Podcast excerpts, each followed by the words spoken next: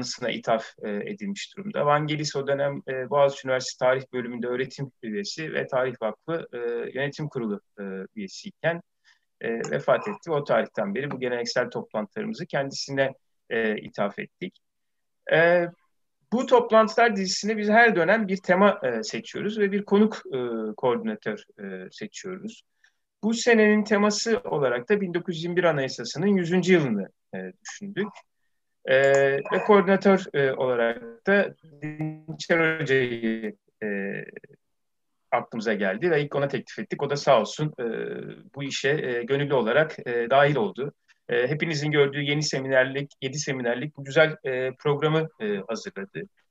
E, Dinçer'le biz kayakadışız. Dinçer Ankara Üniversitesi e, Siyasal Bilgiler Fakültesi Anayasası kürsüsünde öğretim üyesiyken ben de Yıldız Teknik Üniversitesi Siyaset Bilimi Uluslararası İlişkiler Bölümünde öğretim üyesiyken e, barış talep ettiğimiz gerekçesiyle hepinizin bildiği barış akademisyenleri metni dolayısıyla e, üniversiteden e, atıldık.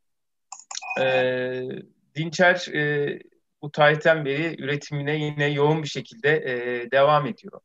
Kendisi zaten bugün e, yani bu senenin teması olan e, konuda e, daha önce üretim yapmış e, bir değerli e, bilim insanı. E, doktora tezinden ürettiği Bir Devlet İki Cumhuriyet kitabı ayrıntı yayınlarından e, çıkmıştı. E, Murat Sevinç'le birlikte yazdıkları kuruluşun ihmal edilmiş istisnası e, kitabı iletişim yayınlarından çıkmıştı ve anayasa tarihi, kur, kurucu dönem, kurucu iktidar e, temaları etrafında e, hem e, yani bugüne kadar e, saydığım e, ve şu anda zikretmediğim başka makalelerde dahil olmak üzere e, bilimsel üretimde bulunmuştu. Hem de aslında son yıllarda da yine e, hem bu konular hem e, başka konular e, da e, Gazete Duvar gibi işte ayrıntı dergi yayın kurulunda yer almasıyla Gazete Duvar'daki yazılarıyla e, üretime devam ediyor. İnsan Hakları, Ankara'daki İnsan Hakları e, programında görev yapıyor. Bir taraftan Mükeller Birliği'nin e, şu anda başkanlığını e, yürütüyor. E, bu kadar yoğun e, şeyi içinde, iş yükü içinde yani e, Dinçer'e gerçekten çok teşekkür ediyorum. Hani kırmadı bizi. E, bu dönemin koordinatörlüğünü e, üstlendi. E, ben e, lafı uzatmadan Rıdvan Hocam'a da çok teşekkür etmek istiyorum. E, hani Dinçer'in davetiyle e, aramıza katıldığı için e, şimdiden en çok güzel bir seminer olacağına e, eminim. E, bundan sonra artık sözü Dinçer'e bırakıyorum. Yani bu programın e, bu dönem koordinatörü e, Dinçer. E, oturumların, seminerlerin e, moderasyonunu e, Dinçer yapacak. E, hepinize keyifli seminerler diliyorum. Evet hocam çok teşekkür ederim e, bu e, güzel takdimin için. E, ben açıkçası çok sevindim e, böyle bir öneriyle e, Tarih Vakfı'nın e, gel gelmesine. E, çünkü 1921 e, Anayasası anayasa tarihimizde yani hem tarihçilerimiz tarafından e, hem anayasa hukukçularımız tarafından ihmal edilmiş e, bir anayasa ki bugün Rıdvan Hocam e, öneminden, istisnai niteliğinden de e, muhtemelen e, bahsedecek. E, 1921 Anayasası'nı e, o dönemi çerçeveleyen yedi e, oturumla, e, yedi konferansla e, ele almayı düşündük. Bundan sonra da iki haftada bir Perşembe günleri e, bu yedi konferansı dinleyeceğiz. E, bir sonraki e, konferansımız e, Sinem Hocam tarafından verecek. Sinem Hocam da şu anda bizi e, dinliyor sağ olsun. 1921 Anayasası'nın e, yapıldığı dönemi, birinci meclisin niteliğini, birinci meclisten figürleri, e, kurucu iktidar e, niteliğini, e, birinci meclisteki Bolşevik etkisini, kadınların durumunu konuşacağımız e, seminerler e, olacak bunlar. E, bu hafta Rıdvan Okun hocamızla başlıyoruz. Rıdvan Okun hocamızla başlamamızın e, bizim için bir önemi de var. Çünkü e, hem TBMM Devleti kitabının e, kendi alanında belki de e, ilk e, eserlerden biri olması e, hem de bu seminerlerin başlangıcı için e, bir genel çerçeveyi hocamızın çok iyi çizeceğini düşündük. Bugün bize 1921 Teşkilat Esasiye Kanunu'nun hukuk tarihimizdeki önemi başlıklı bir seminer verecek. Rıdvan hocamızı e, muhtemelen hepimiz e, tanıyoruz ama ben yine de e, usulen e, onu bir takdim ederek başlamak isterim. E, Galatasaray Üniversitesi Hukuk Fakültesi'nde öğretim üyesi.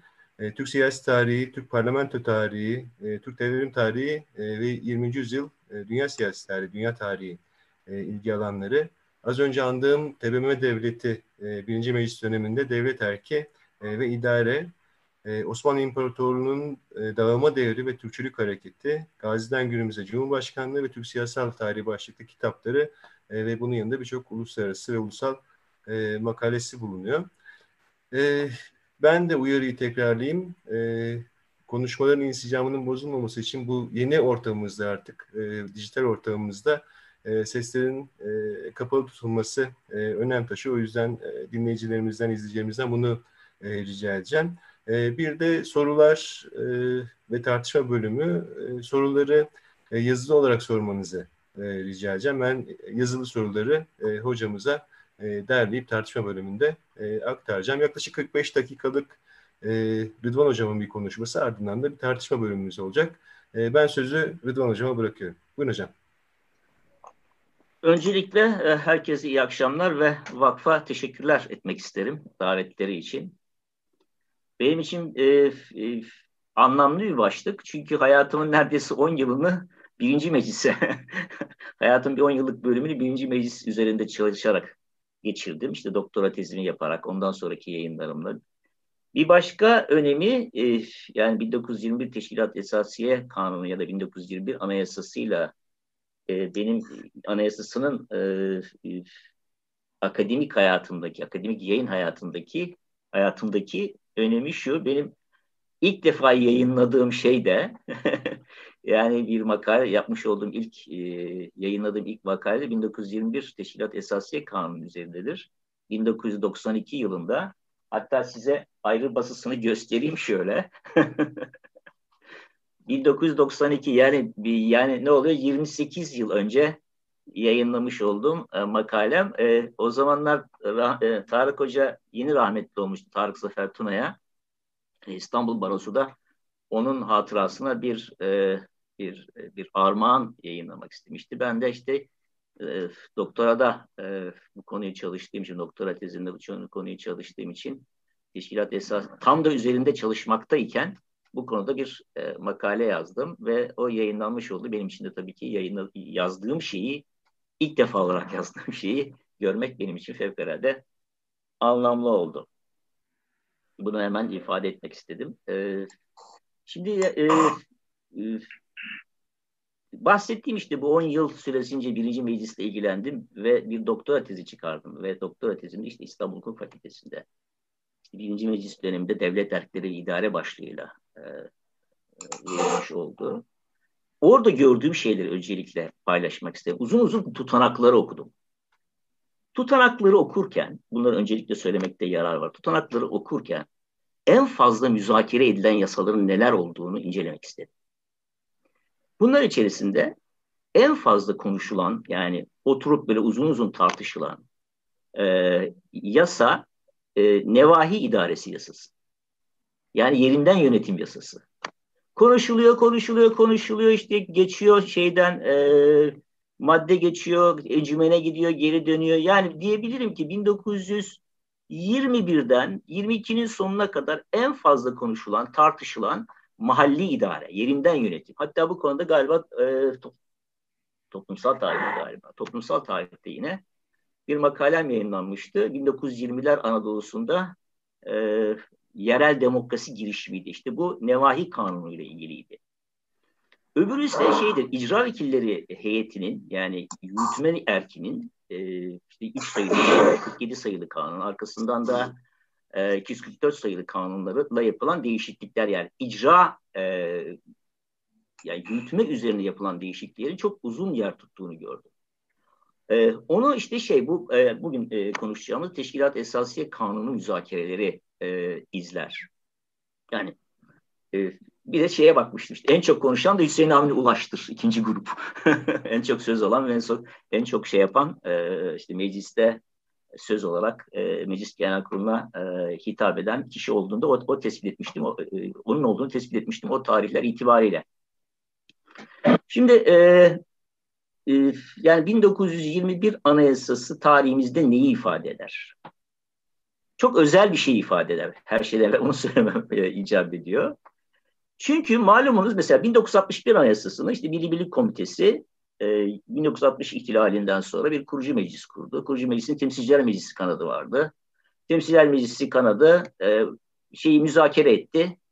Anayasa yani bir anayasa komisyonu kuruldu ve e, çok da uzun olmayan bir süreçten sonra bir metin ortaya çıkardı ve sonuç itibariyle e, işte Türkiye Cumhuriyeti Kurucu Meclisi 1961 orada oradan geçmiş oldu. Tabii Milli Birlik Komitesi'nden de onay gördükten sonra ve halk oylamasına sunuldu.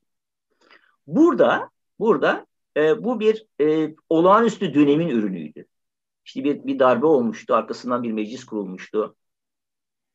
Bir kurucu meclis kurulmuştu. Ama burada temsillik konusunda çok ciddi çok ciddi bir e, aksayan yön vardı. Aynı şey 1982 Anayasası için de söylenebilir. Söylenebilir değil, söylenir. Danışma Meclisi yaptı 1982 Anayasası'nı. Hatta Danışma Meclisi üyeleri doğrudan atanma yoluyla işte devlet memuriyetine girer gibi hatırlarsanız e, kurucu meclis hakkında yasa çıkarıldı. Valiliklere başvuruldu. Ee, insanlar işte incelenildi dosyaları ve sonuç itibariyle doğrudan bir, e, doğrudan doğruya e, Milli Güvenlik Konseyi o zamanki Milli Güvenlik Konseyi tarafından danışma meclisi oluşturuldu ve ondan anayasayı yaptılar ve sonunda da Milli e, Güvenlik Konseyi tarafından son şekli verilerek anayasa halk oylamasına sunuldu ve sunulma öncesinde de hangi koşullarda da hangi koşullarla propaganda edildiğini de yaşı yeterli olan arkadaşlar e, e, biliyorlardır. Yani birçoğumuz onu yaşadı ve gördü. 1924 Anayasası ki bence Cumhuriyet'in anayasasıdır. Yani Cumhuriyet devriminin anayasası odur. Ee, yani 23'ü tamamlayan, 23'te 1920 Teşkilat Esasiye Kanunu'nda 364 sayılı yasayla yapılan, işte tavsiyen tabir eden yasadan sonra 29 Ekim 1923 ile e, galiba e, 1920 24 Nisan'a arasında geçen dönem özel bir dönem. Yani bir bir bir bir geçiş dönemi diyebiliriz. Orada Cumhurbaşkanı'nın rolü ile Türkiye Büyük Millet Meclisi Başkanı'nın rollerinin 24'ten sonrakinden fa- biraz farklı olduğunu söylemekte yarar var. Yani tabii size şunu söyleyebilirim. Bin, e, e, 1924 Anayasası hem tek parti döneminin hem de e, işte çok partili siyasal hayata geçirdikten sonra yani işte 1946 ve sonra 50'den sonra Demokrat Parti iktidarlarında yürürlükte kalan, kalan ve aşağı yukarı aynı ilkeleri devam ettiren. Yani hem e, tek partinin hem de çok parti devrinin e, anayasası oldu ve Demokrat Parti de bundan işte şikayetçi olmadı. Çünkü oradaki ilkeler bir anlamda çoğunlukçu iktidarın çoğunlukçu iktidarın e, e, kendini meşrulaştırmasına da yarıyordu. O dönemin literatürünü tarayan hatta Demokrat Parti'nin argümanlarını e, şey yapan, inceleyen arkadaşlarım bilecekler. Özellikle Celal Bayar'ın, Adnan Menderes'in konuşmalarında iktidarlarını doğrudan doğruya irade-i milliye ile özdeşleştiklerini ve bunun da direkt mecliste ortaya çıkan irade olduğunu ve bunun da kökeninin milli mücadele ve birinci meclis olduğuna e, doğrudan ya da dolaylı olarak göndermede bulunduklarını yani Demokrat Parti kendi meşruiyetini, Demokrat Parti iktidarı kendi meşruiyetini meclisten aldığını ve bunun kaynağının da Türk kurt e, şey olduğunu e, milli mücadele yani birinci meclis yani referansın meşruiyet kaynağının e, milli mücadele olduğunu e, çağrıştıran e, argümanlar geliştirdiklerini görüyoruz. Evet. Bu introdan sonra e, asıl meseleye e, girmek gerekirse. Şimdi şunu söylemekte yarar var. 1921 e, anayasasını yapan e, meclisin nasıl bir meclis olduğunu e, anlamak gerekir. Bu meclis bu meclis devleti kuran meclistir. Türkiye ama bu bu, de, bu meclis Türkiye Cumhuriyeti'ni kuran meclis değil. Türkiye devletini kuran meclis. Çünkü şeye bakarsanız, şimdi yanımda şey de var, e, Özbudun Hoca'nın şeyini de getir, e, yanıma aldım. Mesela şeyde diyor ki, e, direkt metne baktığımızda, işte hakimiyet e, bila kaydı şart e, milletindir. Bu tabii çok önemli bir şey. Yani kanun esasiden e, 4. Osmanlı Meclisi mebusanına kadar yani bir meşrutiyet e, tecrübesi var tabii. Yani ta e, 1876'dan beri. Meşrutiyet tecrübesinin ikinci meşrutiyet pratiği de önemlidir. Birinci meclisi anlamak e, e, açısından ona da bakmak gerekir. Yani meşrutiyet parlamenterizmi olmasaydı Türkiye Büyük Millet Meclisi diye bir, bir e, siyasi entitenin varlığı biraz zor gerçekleşir. Zaten zaten e, yani Ankara'da meclisin e, toplanabilmesi ve, ve bu meclisin teşkilat esası kanunu ve başkaca kanunları da çıkarabilmesi, Milli Kurtuluş Savaşı'nı gerçekleştirebilmesi, Osmanlı parlamenter Osmanlı parlamenterizminin e, e, bir anlamda e, çalışamaz hale gelmesi. İşte en son konuyu tamamen çünkü konuşma süresi olarak 45 dakika öngörüldü. Tamamen işte e, müdafaa hukuk hareketinden işte e, dördü Osmanlı Meclisi mebusanın İstanbul'da toplanması, orada e, müdafaa hukuk grubunun etkin olması e, ve e, işgalinin buna bunu tolere edememesi, millicileri bastırmak için müdafaa hukuk önderlerini İstanbul'a gitmiş olan müdafaa hukuk önderlerini enterne ederek Malta'ya sürmesini filan çok ayrıntılandırmak istemiyorum. Ama altı çizilmesi gereken şey birinci dönem Türkiye Büyük Millet Meclisi öncesinde dördüncü dönem Osmanlı Meclisi Müdürlüğü kurulmalıydı ki birinci meclis olabilsin. Kurulmalıydı ve müttefik baskınına uğramalıydı ki ancak o zaman birinci meclis yani bir meşruiyet bariyerinin aşılması gerekiyordu. Ve gerçekten de işte e, e, malum 16 Mart 1920 olayından sonra yani İstanbul müttefikler tarafından işgal altına alınması ve müdafaa hukuk yanlısı, millici, kuvayi, e, müdafaa hukuk yanlısı milletvekillerinin yani ta Sivas'tan beri, Erzurum ve Sivas'tan beri e, Anadolu ve Rumeli müdafaa hukuk önderlerinden bir kısmının enterne edilerek müttefiklerce yani bir anlamda milliyetçi direnişin öyle diyebiliriz. Milliyetçi direnişin kırılması için elebaşlarının e, şey yapılması, gözaltına alınması ve böylelikle de barış anlaşmasının imzalayacak bir yönetimin iş başına getirilmesi isteğiydi ya da bu şekilde bir manevra e, gerçekleştirmiş olduğu müttefikler tarafından. Ancak bu bu tam tersi sonuçlar verdi. Bu hem Ankara'da meclisin toplanmasını sağladı hem de Türk Milli Kurtuluş Savaşı'nın bir meş e, e, Türk Bağımsızlık Savaşı'na bir meşruiyet zemini yaratılmasına sebep oldu. Evet, bu bahsi çok fazla uzatmak istemiyorum. Neticede Ankara'da meclisi toplayan şey e,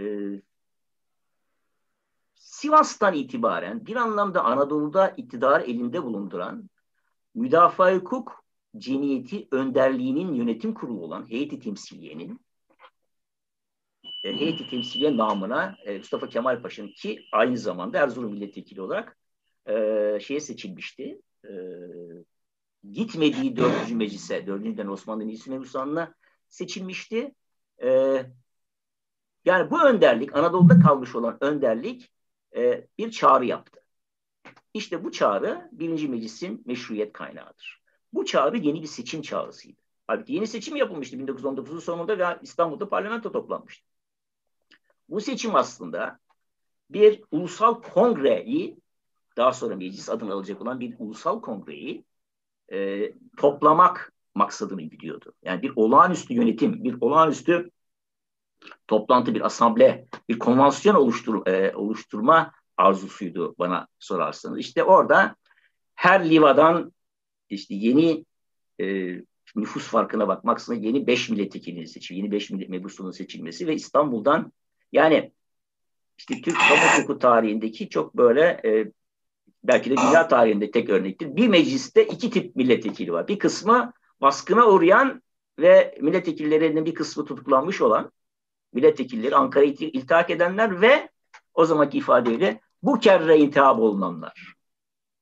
Yani e, müdafaa cemiyetleri, işte belediye meclisleri, vilayet meclisleri tarafından e, seçilmiş bulunan yeni e, yeni mebuslardan oluşan geniş bir topluluk hatta 400 civarında milletvekilinin e, den oluşan böyle bir meclis. Yani işte Atatürk'ün de Mustafa Kemal Paşa tabii ki o, o tarih itibariyle hatta o tarih itibariyle sadece müdafaa hukuk önderi olarak mazul bir Osmanlı generali olarak e, e, heyeti temsili reisi İstanbul'a gitmemiş olan Erzurum Milletvekili Mustafa Kemal Paşa'nın çağrısı e, ile e, tabii çağrı yapmak kolay. O, o çağrının gereğini yaptırabilmek. Gereğini yaptırabilmek için de fiilen iktidarı elinizde bulundurmanız lazım. Yani şunu söyleyeyim. Müdafaa hukuk bu seçimleri yaptırabildiğine göre zaten ve temsilcileri Ankara'ya toplayabildiğine göre demek ki iktidar onda, İstanbul'da değil. Bu onu gösteriyor. Yani Ankara'da böyle bir konvansiyonu oluşturabilmek bunu gösteriyor. Ve gerçekten de toplantı gerçekleşmiş oldu. Ve Ankara Konvansiyonu, Ankara Meclisi e, e, ilk toplantısını gerçekleştirmiş oldu. Evet, buradan yani 1920 23 Nisan'ındaki bu meclis ne anlama geliyordu? Bir kısım insan açısından yani Ankara'ya gelmiş bulunan yeni seçilmiş e, ki orada onu söylemeyi unuttum. Tabii bu meclis nasıl meclis? E, yani yakından literatürle ilgili olan arkadaşlarım bilirler. Bu bir meclis, bu aslında de facto bir meclis müessisan. Yani bir kurucu meclis. Ama tabii Karabekir'in biraz böyle yan çizmesi dolayısıyla e, orada kullanılan ifade, çağrıda kullanılan ifade işte selahiyeti fevkaladeyi haiz meclis. Sanki farklı bir şeymiş. Selahiyeti fevkaladeyi haiz meclis zaten o da kurucu meclistir. Evet selahiyeti fevkalade haiz meclis ne iş yapar? Fevkalade işler yapabilir. Fevkalade işler yapabilir. Madem ki selahiyetimiz fevkalade ise fevkalade işler yapabiliriz demek. Şimdi Ankara'da toplandık. Bir kısım mesela ulema kökenli milletvekilleri açısından bu büyük meşrutiyet parlamenterizmi pratiği olan milletvekilleri açısından o gün Ankara'daki toplantı İstanbul'daki meclis, yani bir üçüncü meşrutiyet meclisiydi. Onların pek çoğu açısından üçüncü meşrutiyet meclisiydi. İşte bir e, hali zaruretten dolayı İstanbul'da değil Ankara'da toplandık diye düşünüyorlardı. Ama tabii ki işin renginin yavaş yavaş değişeceği ve en sonunda 1921 esas teşkilat kanuna dönüşeceği yavaş yavaş adım adım ortaya çıkacak. Yani bir böyle bir durum var. Ankara'daki meclisin mahiyeti ve içeriği meselesi. Yani bu nedir? Hangi iktidara kullanacak? Ve alınan ilk karar işte bir, bir numaralı karar e, işte şeyin Türkiye Büyük Millet Meclisi'nin teşekkür ettiğine dair kanun, e, karar. Sonra işte e, geçici icra encümeninin kurulması. Arkasından yasaların çıkmaya başlaması. Yani kanun çıkarmaya başlaması. İşte üç sayılı icra vekillerinin sureti intihabına dair ya bir bir icra kudretinin yaratılması. İcra kudreti yarattığınıza göre demek ki bir kurucu iktidarsınız demek bu. Yani iktidar sizde bir, bir sizden kaynağını sizden alan bir başka iktidar yaratıyorsunuz. Yani icrayı yaratıyorsunuz. Yani bu tabii ki bir başka önemli şeydi. Ve bu böyle adım adım işte şeyde sonbaharda Nisan Müzakere Kanunu galiba 5 Eylül 1920 olması lazım. 18 sayılı. Yok yanılıyor olabilirim. Misal müzakere o da çok önemli bir şeydir. Arkasından da işte e, Teşkilat Esasiye Kanunu'nun, tabii onun öncesinde Hıyanet Vataniye Kanunu var. E, tabii Teşkilat Esasiye'yi doğuran şey aslında e, 1900, yani şunu söyleyebilirim size, 1921 Mart'ına kadar aslında e, kafalar karışık. Kafalar karışık. Yani bu meclisin mahiyeti, bu e, direnişin, bu ulusal kurtuluş direnişinin nereye gideceği. Çünkü mesela İngiltere'deki gazeteler açısından baktığımızda, İstanbul matbuat açısından baktığımızda bu, bunlar Bolşevik diyorlar.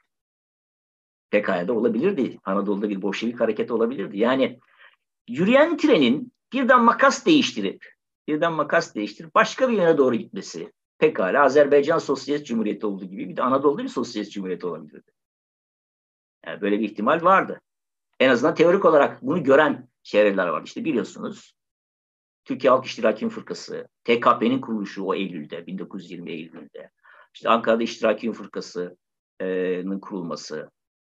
Hatta işte Halk İştiraki Fırkası'nın Nazım Bey İçişleri Bakanı yap, yapabilmesi. Yani diyebilirim ki 1920 Mayıs'ından 19, Teşkilat Esasiye Kanunu'nun ya da Atat İcra Vekilleri Heyeti'nin halkçılık programını bir kanun layihası olarak e, meclis gündemine getirmesi ve arkasından da e, arkasından da bunu müzakere ettirerek bir anlamda Anadolu Hareketi'nin ideolojik, siyasi ve idari konturlarını çizmesi 1921 yılının e, işte baharına kadar devam etti. İşte bunun içerisinde 15'lerin e, öldürülmesi vakası da var. Halk İştirakiyun Fırkası'nın kapatılması ve Türk, Ankara İstiklal Mahkemesi'nde yargılanmaları. Bazı Nazım Bey başta olmak üzere bazılarının mahkum olması, bazılarının Şeyh Servet Efendi'nin beraat etmesi gibi birçok olay var. Yani işte şeyin Doğan Avcıoğlu'nun e, Milli Kurtuluş Tarihi'nin o 4-5 ciltlik e, serisinin ikinci cildi tamamen Anadolu'da sollaşma başlığına taşır. Bildiğiniz üzere. Yani 1920 yazından itibaren 1920 yılı bittiğinde pekala Bolşevik bir Anadolu olabilirdi bazılarının noktayı nazarında. Öyle olunca işte yani bu yani şimdi bugünden baktığımızda tabii özellikle böyle e, nasıl diyeyim çok cumhuriyetçi çok böyle e, Atatürkçü paradigma içinde düşünen e, insanlar açısından e, onlar açısından onların perspektife baktığımızda sanki böyle Atatürk 1920'den itibaren hep Atatürk. Halbuki öyle bir şey yok. Atatürk gerçek manada Atatürk'lüğünü Türk İstiklal Savaşı'nı e, Türk İstiklal Savaşı'nı başarıya ulaştırdıktan sonra e, iktisap edebilmiştir. Yani 1920'lerin işte 1920 Teşkilat Esas Kanunu çıktığında bile Atatürk iktidarı güçlü bir iktidar değildi. Hala daha işte Enverist partizanların tehdidi devam ediyordu. Diyebilirim ki en azından 1921 sonbaharına kadar durum sallantıdaydı. Her bakımdan. Kemalist Parti açısından da sallantıdaydı. Anadolu Hareketi açısından da sallantıdaydı. Yani siz başarıya ulaşmazsınız kurduğunuz devletin de facto devletin de icra vekilleri yasanızın da teşkilat esası kanununda bir anlamı olmaz. Yani hem bir taraftan mücadele sürdürülür hem de o mücadelenin ideolojik, e, nasıl diyeyim, siyasi background'unun ya da çatısının belki öyle demek daha doğru olacak. Bunun mücadelesi veriliyordu. Yani 1921'deki sınırların çizilmesi öncesinde bana sorarsanız bir kapışma yaşandı. Yani ne kadar bir kapışma denebilir bu? Kimle kim arasında? Bir tarafıyla e, bir tarafıyla işte Halk İştirakiyun Fırkası'na dönüşebilecek ekiple. Bir tarafıyla e, bir tarafıyla da e, yani Mustafa Kemal Paşa'nın iktidarını sınırlamak isteyen milletvekilleri arasında. Yani meclisteki ilk ayrışmalar, ilk gruplaşmalar aslında daha berrak hale geldi. Daha sonra bu tabii ki birinci ve ikinci e, birinci ve ikinci meclis, yani birinci ve ikinci e, grup e, ezan sesi çok yoğun olarak geliyorsa ben mikrofon şey yapayım. E, Dinçer Hocam. Şeyi e, insicamını bozmadı. E, ses geliyor tamam, ama. Tamam o zaman. Peki. Tamam. Devam ediyorum o zaman. Tamam. Ee, Şimdi yani direkt şeye bakalım. Yani şimdi bu müzakere dediğim gibi e, e, 19 yani icra vekilleri heyeti niye böyle bir şeye ihtiyaç duydu? Çünkü daha önceden bir yani bir varlığıyla yokluğu belli olmayan yani e, yani kanunu esasinin yani şöyle diyelim Meclis toplandığında aslında bu doğrudan doğru kanun esası karşı bir şeydi. Yani kanun esası varken Ankara'da bir Türkiye Büyük Millet Meclisi diye bir meclisin toplanması mümkün olamazdı.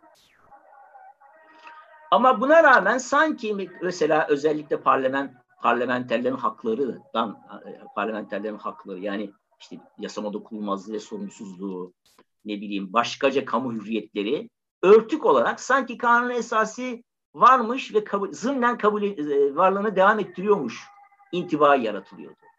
Aslında bu bir yarı anayasasız dönem diyebiliriz. Çünkü bir, bir ihtilal hükümeti var ortalıkta. İcra vekilleri heyeti de e, kurulduğuna göre. Şimdi bu meclisin, bu meclisin aslında çok büyük işler başaracağı, çok büyük işler başarabileceği Atatürk'ün 24 Nisan Mustafa Kemal Paşa'nın yani meclis başkanlığına seçilen Mustafa Kemal Paşa'nın attığı ilk adımla ortaya çıktı. Çünkü orada bütün iktidarı bütün iktidarı İstanbul'dan alıp İstanbul'da alıp tamamen meclise, Ankara'da kurmuş olan meclisin kendisine, meclis hükmü şahsiyetine veren e, böyle bir o iktidar zeminini alıp bu tarafa getiren e, çok önemli bir konuşma yapılmıştı ve bu konuşma takdir gördü. Yani işte o konuşmayı ilgili arkadaşlar bir de burada işte milletin mukadderatına meclisin el koyduğunu, yani milletin kendi mukadderat kendisine el koyduğunu ve iradeyi milliyenin sadece bu meclis, e, meclisin temsil ettiğini, milli iradeyi sadece bu meclisin temsil ettiğini ve ve bu meclis, e, bu meclisin e, bu meclisin hem yani, yani millet iradesinin tecelli ve temerküz ettiği Türkiye Büyük Millet Meclisi'nin her şeyi yapabileceğini, hem icra hem e, teşri salahiyetini hem de hem de hem teşri salahiyetini hem de e, e, icra kudretini elinde bulundurduğunu işte maddelerinde e, deklare ediyor. İşte malumunuz e, 23 maddesi var. 23 maddesi var. Yoksa şu tencere açık mı ya?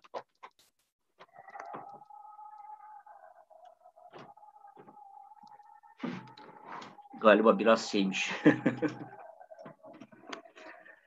yani 23 maddesi var. Bir de maddeyi müzeyele ya da işte appendix maddesi. O da işte gayenin husulünden sonra seç, e, meclisin dağılacağı ve yeni seçimlere gidileceğine dair e, maddedir.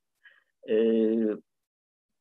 yani ilk önce bari biraz e, çünkü zamanımız daralıyor. E, direkt anayasa üzerinde konuşalım. Yani 1920 anayasası üzerinde. Şunu söyleyeyim size. E, yani şeye kadar e, Ekim'den yanılmıyorsam 25 Ekim mi ne şu anda yani yaklaşık bir 30 oturum civarında e, teşkilat esası kanunla yani, yani ilk önce şey geliyor e, işte e, halkçılık programı e, Meclis Genel Kurulu'na sunuluyor. Sonra halkçılık programının e, şeyi e, ilk dört maddesi e, bir meclis beyannamesi olarak tanzim ediliyor. Sonra da diğer maddeler müzakere ediliyor. İşte meclise gidiliyor, şeye gidiliyor. Bir bir özel komisyon, encümeni mahsus oluşturuluyor. Galiba Yunus Nadi Abaloğlu olması lazım. E, tam net, Soysallıoğlu da galiba mazbata muharrir olması lazım. E, sonuçta işte encümende görüşülen şeyler, e, genel kurulda görüşülen şeyler sonunda yasa çıkıyor. Burada tabii ki önemli değişiklikler de var. Bir kere hem şeyde e, hem e, e, do, yani icra hükümetin, icra vekilleri heyetinin meclis gündemine getirmiş olduğu layihada hem de şeyde e, encümeni mahsusun e, tasdiklerinde dikkati çeken çok önemli şeyler var. Bir kere her şeyden önce burada bir bir devletten bahsediliyor olması. Türkiye Türkiye halk hükümeti galiba. Türkiye evet Türkiye halk yani bir halk hükümetinden bahsediliyor olması. Sonra bu halk hükümeti ifadesi e, değiştirerek Türkiye devletine dönüştürecek. Yani bir bir böyle bir nasıl diyeyim böyle bir Bolşevik havası da var aslında başlangıçta. Yani böyle bir soldan mülhem. O aslında halk zümresinin önünü kesmek için belki de.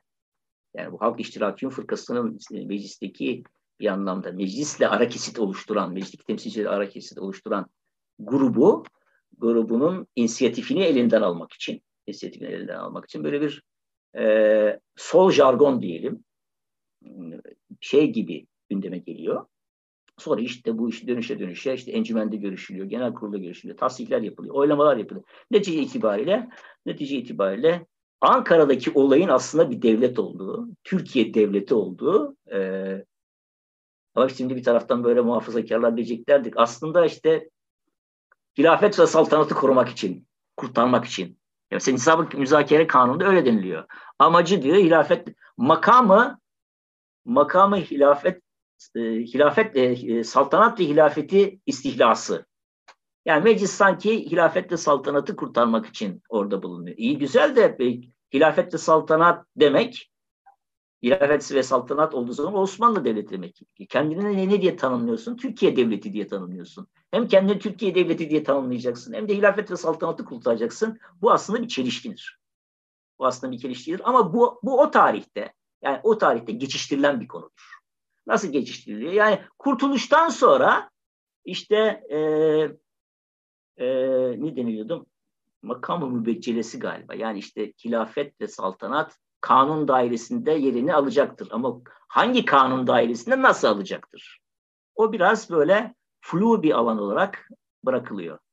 Evet, e, burada tabii ki az önce de arz ettiğim gibi yani kanunun e, bir kere çok önemli olan bir nokta bu 23 maddenin 9'unun rejime ilişkin maddeler olması.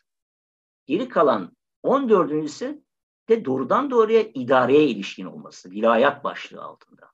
İdareye ilişkin olması ve bir, burada idarenin de mülki idare değil, bakın e, idare hukukundan anlayan ve e, mahalli idareler konusunda inceleme yapan arkadaşlar çok iyi tahlil edecekleri üzere kanun e, teşkilat esasiye kanunun idare başlığı altında tanzim edilmiş maddeleri aslında bir yerel yönetimler idaresidir. Yani yani 1921'in vilayeti oradaki vilayet aslında bir mahalli idare vilayetidir. Yani aşağıdan yukarıya nahiye idaresinden başlayarak aşağıdan yukarıya böyle bir köy birliklerinden oluşan e, nahiyeler, komünler yani. Bu komünlerden yani mesela şeyi bu bahsettiğim kanun müzakere yani öbür levai kanunu müzakere edilirken en çok konuşulan şeyler yani köy birlikleri nahiyeler oluşturacaklar ve, ve o nahiye, nahiyeler hükmü şahsiyet olacak. Hatta kısmi kazayı yetkisi olacak. Böyle ufak tefek davalara bakacaklar. Bu yerelin ne kadar önemsendiğini gösteriyor. O, kan, e, o kanun müzakereleri yapılırken. Tabii şunu da unutmamak lazım. Birinci meclisin milletvekili profili ve birinci meclisin oturduğu ideolojik zemin de önemli. Bunları müzakere edebilmesi. Birinci meclis halkçılık üzerine halkçılık üzerine oturan bir meclistir.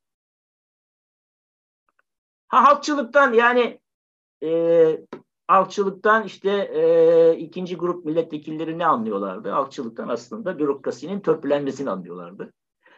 E, birinci grup milletvekilleri ise onlar halka doğruyu anlıyorlar. Halkı eğitmeyi, halkın gönencini arttırmayı anlıyorlar.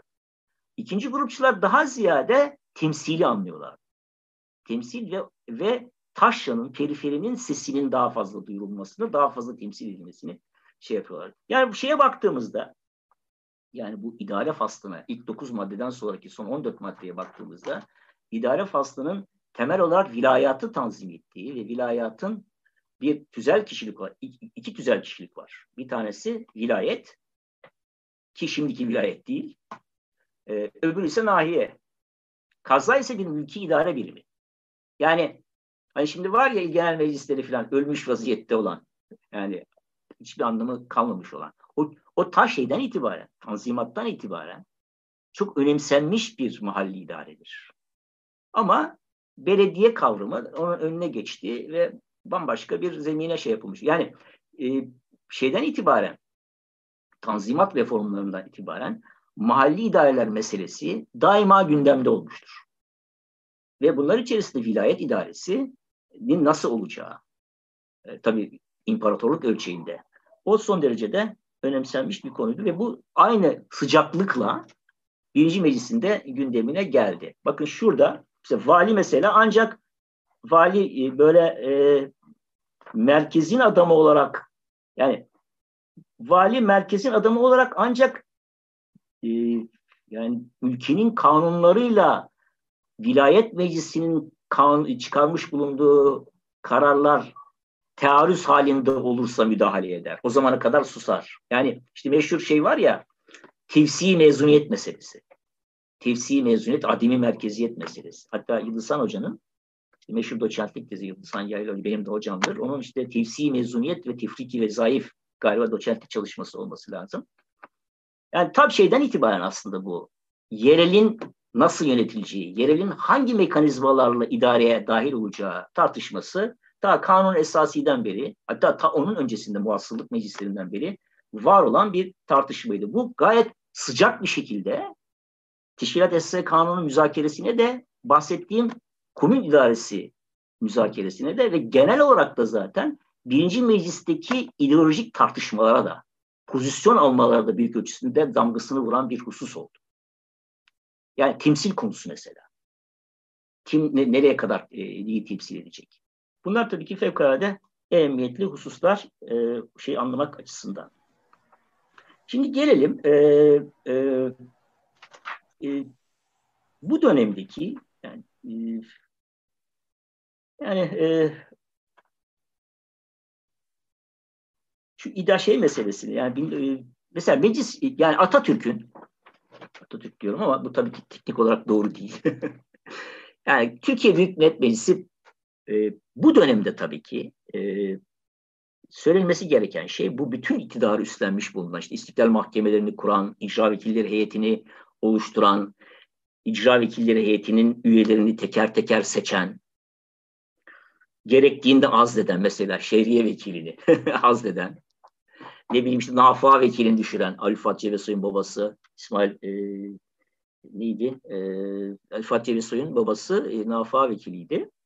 O mesela hatırladığım kadarıyla düşürdü. Yani meclis bir çeşit böyle e, işte e, Sovyet sisteminde olduğu gibi gerçi pratik olarak pratik olarak Bolşevik devrimindekine yani şeklen benzemekle birlikte şeklen benzemekle birlikte e, vekillerin dikkat ederseniz zaten Ankara Meclisi'nde bakanların adı nazır değildir. Vekildir. Kime vekil? Meclise vekil. Hangi alanda vekil? İşte nafa alanında vekil veya marif alanında vekil gibi. Ee, bunu e, yani şeye benzetebiliriz. İşte bu e, yani Ekim devriminden sonra kurulan işte komiserliklere benzetebiliriz işte. Mesela Hariciye Komiseri Troçki örneğinde olduğu gibi. Ama ama bizdeki işleyişi öyle değil. Bizdeki işleyişi teorik olarak böyle olmakla birlikte ta baştan itibaren sanki icra vekilleri heyetinin Teşkilat Yasası Kanunu konuşulurken de bu gündemeli icra vekilleri heyetinin sanki böyle e, bir çeşit böyle parlament e, parlamenter her ne kadar e, bir ortak siyasal sorumluluğu olan bir heyet değil icra vekilleri heyeti. Yani icra vekilleri heyeti başkanı başbakan değil. 244 sayılı yasaya kadar hatta o zaman bile başbakan. Yani Cumhuriyete kadar bir başbakan yok. Ama e, buna rağmen e, sanki böyle bir e, hükümet lafı ediliyor mesela. Türkiye Büyük Millet Meclisi hükümeti diyorsanız demek ki bir sizden yetki almış bir topluluk var demek.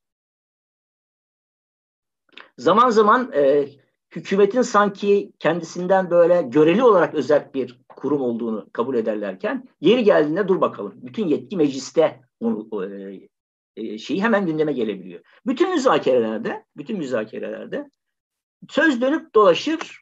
Özellikle yani ikinci grup e, e, şeyi kaptırmamak istediği zaman, inisiyatifi kaptırmamak istediği zaman işte irade-i milliyenin bu mecliste şey olduğunu, mesela şeyde namzetlik 47 sayılı icra e, namzetlik yasası gündeme geldiğinde mesela orada meclis başkanının göstereceği adaylar arasından icra vekillerinin tensip edilmesini irade-i milliyenin daraltılması olarak yorumlamışlardı. Yani madem ki bütün güç meclistedir, niye meclisin iradesini meclis başkanının göstereceği adaylar arasından seçtirelim ki diye kendilerince haklı bir argüman gelişti. Yani her zaman her zaman e, benim o dönemi işte epey üzerinde e, çalıştığımı söylemiştim. Söz döner döner e, dolaşır hep böyle e, meclisin en büyük güç olduğu istiklal mahkemelerini seçerken e, ne bileyim işte e, herhangi bir icra vekilinin soruşturulması arkasından da ademi itimat oyuyla düşürülmesinde hep böyle bir bütün iktidar hani nasıl bütün iktidar Sovyetlere var diye onun gibi bütün iktidar meclise gibi böyle bir e, böyle bir nasıl diyeyim böyle bir problematiğin olduğunu söylemekte yer var. Şimdi gelelim şeye. Yani burada çok önemli bir kurum var. Meclisin başkanı olan kişi, başkanlık. Başkan aslında yani ilk meclisin daha ilk oturumlarından itibaren seçilmiş bulunan Türkiye Büyük Millet Meclisi Başkanı'nın aynı anda hem icranın hem de hem de hem yasamanın yani teşrii teşrii yani meclisinin teşrii görevlerinin başkanı hem de e, yani icrai doğrudan da icra vekilleri heyetinin doğal başkanı olması. Çünkü şeye baktığımızda anayasaya baktığımızda e, neyi görüyoruz? Meclis başkanı bir intihap devresi için seçilir. Yani Atatürk seçildiği andan birinci dönemin sonuna kadar meclis başkanıydı. Bu önemli bir şey. Bir intihap devresi ama başkan vekilleri değişiyor. Başkan vekilleri değişiyor. İkinci başkan değişebiliyor. Başkan vekilleri değişebiliyor. Ama seçilmiş başkan dönem sonuna kadar görevde. Bu sıfatla bu sıfatla ne görüyoruz? Bu sıfatla Yani meclisin teşrii yetkilerinin başkanı olmak sıfatıyla işte, e, yani nasıl Cumhurbaşkanı yasaları yayınlıyorsa o zaman da Ceride-i Resmiye'de bunu yayınlamak Türkiye Büyük Millet Meclisi Başkanı'nın görevi ve yetkisi. Aynı zamanda aynı zamanda icra vekilleri heyetinin de doğal başkanı olarak doğal başkanı olarak e, icra vekilleri heyetinin yani zaman zaman söylenen zaman zaman değilmiş gibi davranan hükümetin kararlarını, mukarreratını tasdiki yetkili olması. Yani hem icranın hem de yasamanın başkanı olması.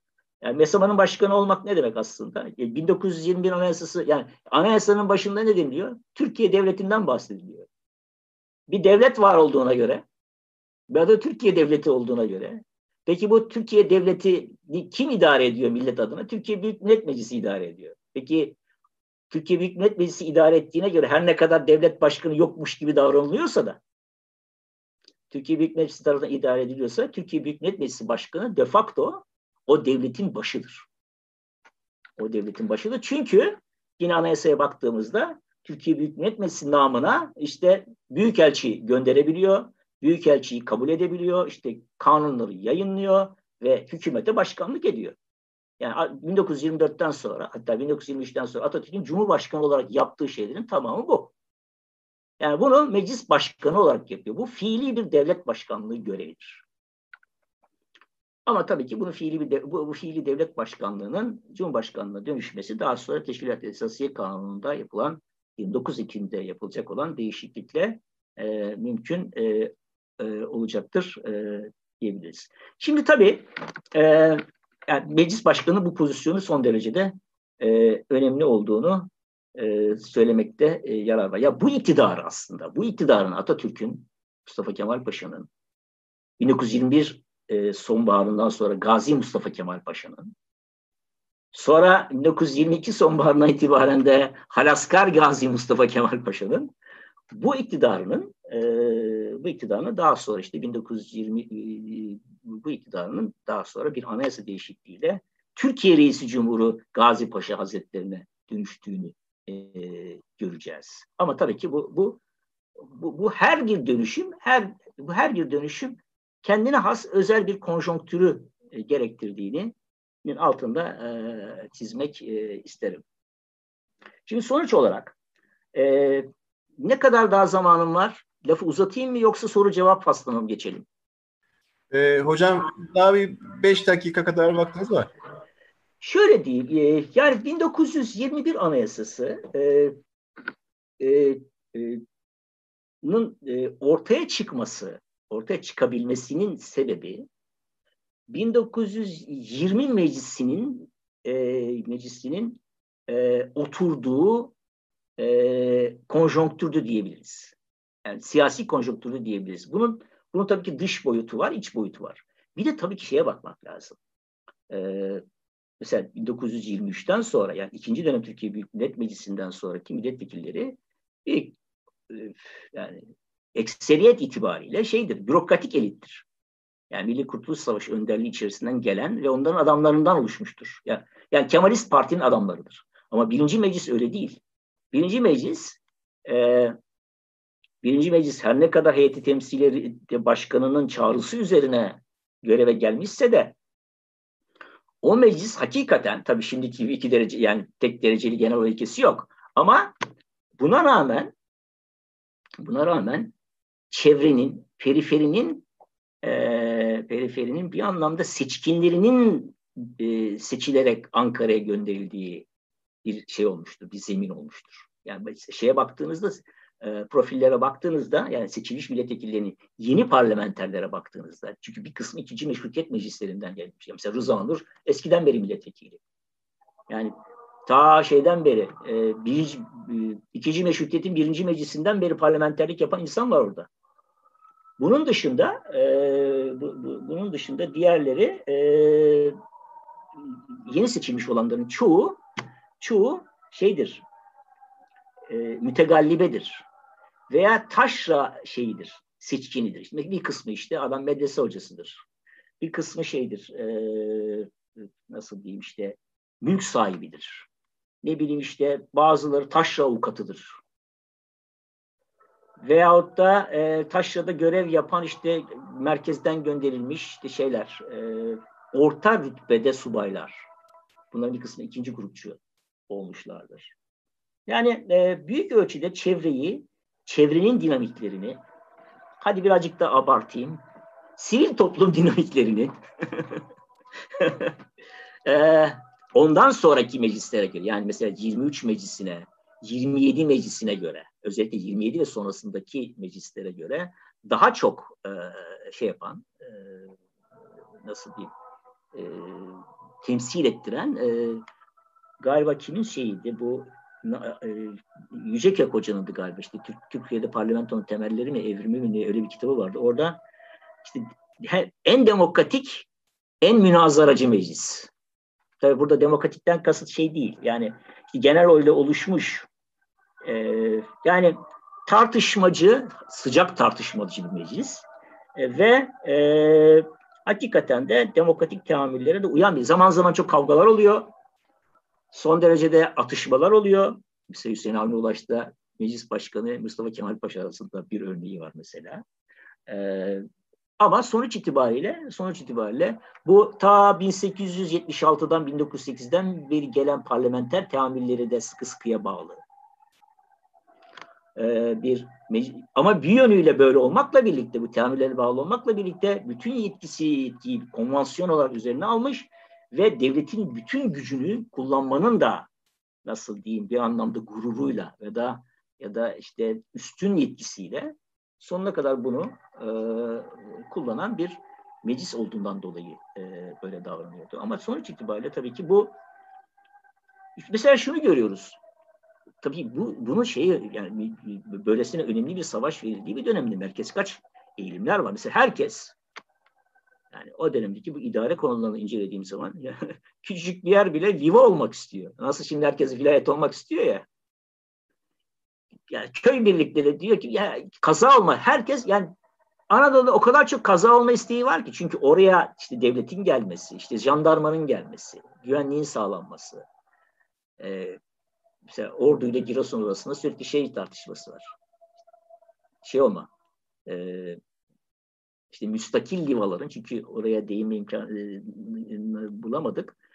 Yani bu Osmanlı'nın geniş ölçekli vilayetinin yerine ilk yapılan reformlardan biri, e, alınan e, yani kararlardan bir tanesi e, vilayet e, vilayetleri küçültmek, daha vilayetlerin içindeki müstakil livaları, geçmişin müstakil livalarını her birini vilayet yapmak. Böylelikle çok sayıda çok sayıda müstakil livadan bozma vilayetler oluşuyor. Bütün bunlar işte, bütün bunların aslında bir taraftan mülki ihtiyaçlar olurken, mülki, mülki ihtiyaçların bir gereği gibi görünürken, öbür taraftan da öbür taraftan da bunun büyük ölçüde merkez kaç kuvvetlerin ya da çevrenin, periferinin bir dayatması olduğunu da yani Erzurum milletvekili diyorlar işte şurası şöyle olsun. Ee, ne bileyim işte, işte Urfa'dan gelen sesler. Ne bileyim işte İşgal tabii bunlar hepsi işgal altında olmayan bölgeler. Yani herkes daha fazla e, merkeze sesini duyurabilecek bir örgütlenmenin merkez tarafından tanınmasını istiyor. Ve onların temsilcileri orada bulunuyor. Bu önemli bir şey. Birinci meclisi daha sonraki meclislerden ayıran e, ayırt edici e, en önemli özelliklerden biri e, olması itibariyle. E, toparlamak gerekirse bir türlü sadede gelemiyorum. Derslerimde de böyleyimdir. Kısa konuşma becerim yok. Toparlamak gerekirse e, Teşkilat Esasiye Kanunu yani 1921 Teşkilat Esasiye Kanunu e, anayasacılık tarihimizde özel yeri olan bir anayasadır. Yapanları itibariyle farklı olduğundan dolayı. Büyük ölçüde taşranın, çevrenin hassasiyetlerini bir yönüyle taşlanan şey, e, hassasiyetlerini e, yansıttığı için öbür taraftan da öbür taraftan da 1920'den itibaren Anadolu hareketinin üzerinde esen Bolşevik rüzgarlarının da etkisi var. Yani bir taraftan Bolşevik rüzgarlar, öbür taraftan periferinin temsili, öbür taraftan da iktidarın iktidarın iktidarın e, İstanbul'dan alınarak Anadolu'ya taşınması ve milli irade vurgusu var. İşte Türkiye Halk Hükümeti'nden söz edilmesinin sebebi de e, bu. O bakımdan e, o bakımdan teorik olarak şimdi bu burada söylenilen mesela vilayet idaresi yani bir mahalli idare biçimi olarak e, yerinden yönetimin bu kadar e, şey yapmış olan, e, bu kadar uygulamış bulunan e, anayasa ne kadar hayata geçti? Bana sorarsanız neredeyse hiç. Yani ilk 9 madde hayattaydı ama sonraki sonraki 14 maddenin pratiğinin büyük ölçüde bir bir nasıl diyeyim böyle yapacağız kurtuluştan sonra anlamına geldiğini söyleyebilirim. Ama öyle olmadı. Öyle olmadı. Bu desantralist eğilimler, bu adem merkeziyetçi eğilimler 1924 Anayasası'ndan sonra bildiğimiz bürokratik devlet, Osmanlı'dan beri var olan bu cumhuriyet devrimlerinin gerçekleştiği. Yani devrimci yönetim, devrimci yönetim yani cumhuriyeti ilan eden Kemalist Parti, Kemalist önderlik böyle bir anayasayla, böyle bir ademi merkeziyetle kafasına koyduğu kafasına koyduğu toplum ve devlet modelini hayata geçiremezdi. Dolayısıyla 1924 Anayasası'ndaki vilayatla 1921 Anayasası'ndaki yerinden yönetimci vilayet birbirinden çok çok ayrıdır.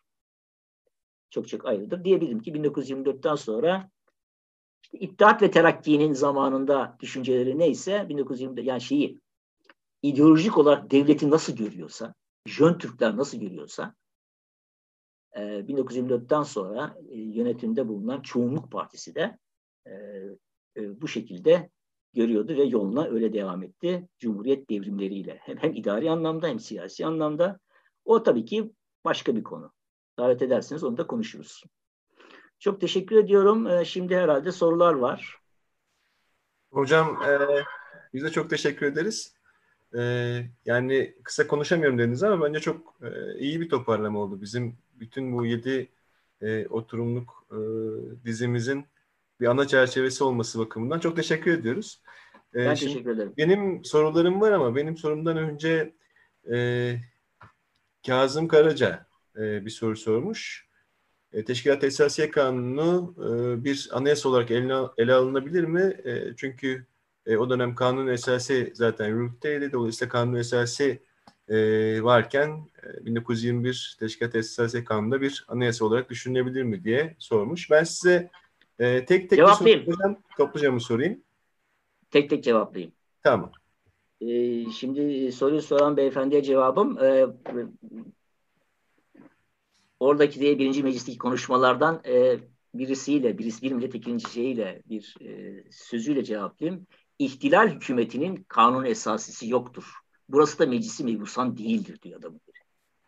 Yani kanun esası falan yok aslında. Kanun esası falan yok. Aslına sorarsanız, yani bana sorarsanız Ankara'da meclis toplandığı andan itibaren kanun esası yok. Varmış gibi davranılıyor. Ee, teşkilat esası kanunu bir anayasadır. Teşkilat esası hangi hangi bakımlardan var olduğu söylenebilir? Mesela milletvekillerinin yani arkadaşımıza kısmen e, tabii ki hiç katılmıyorum diyemeyeceğim.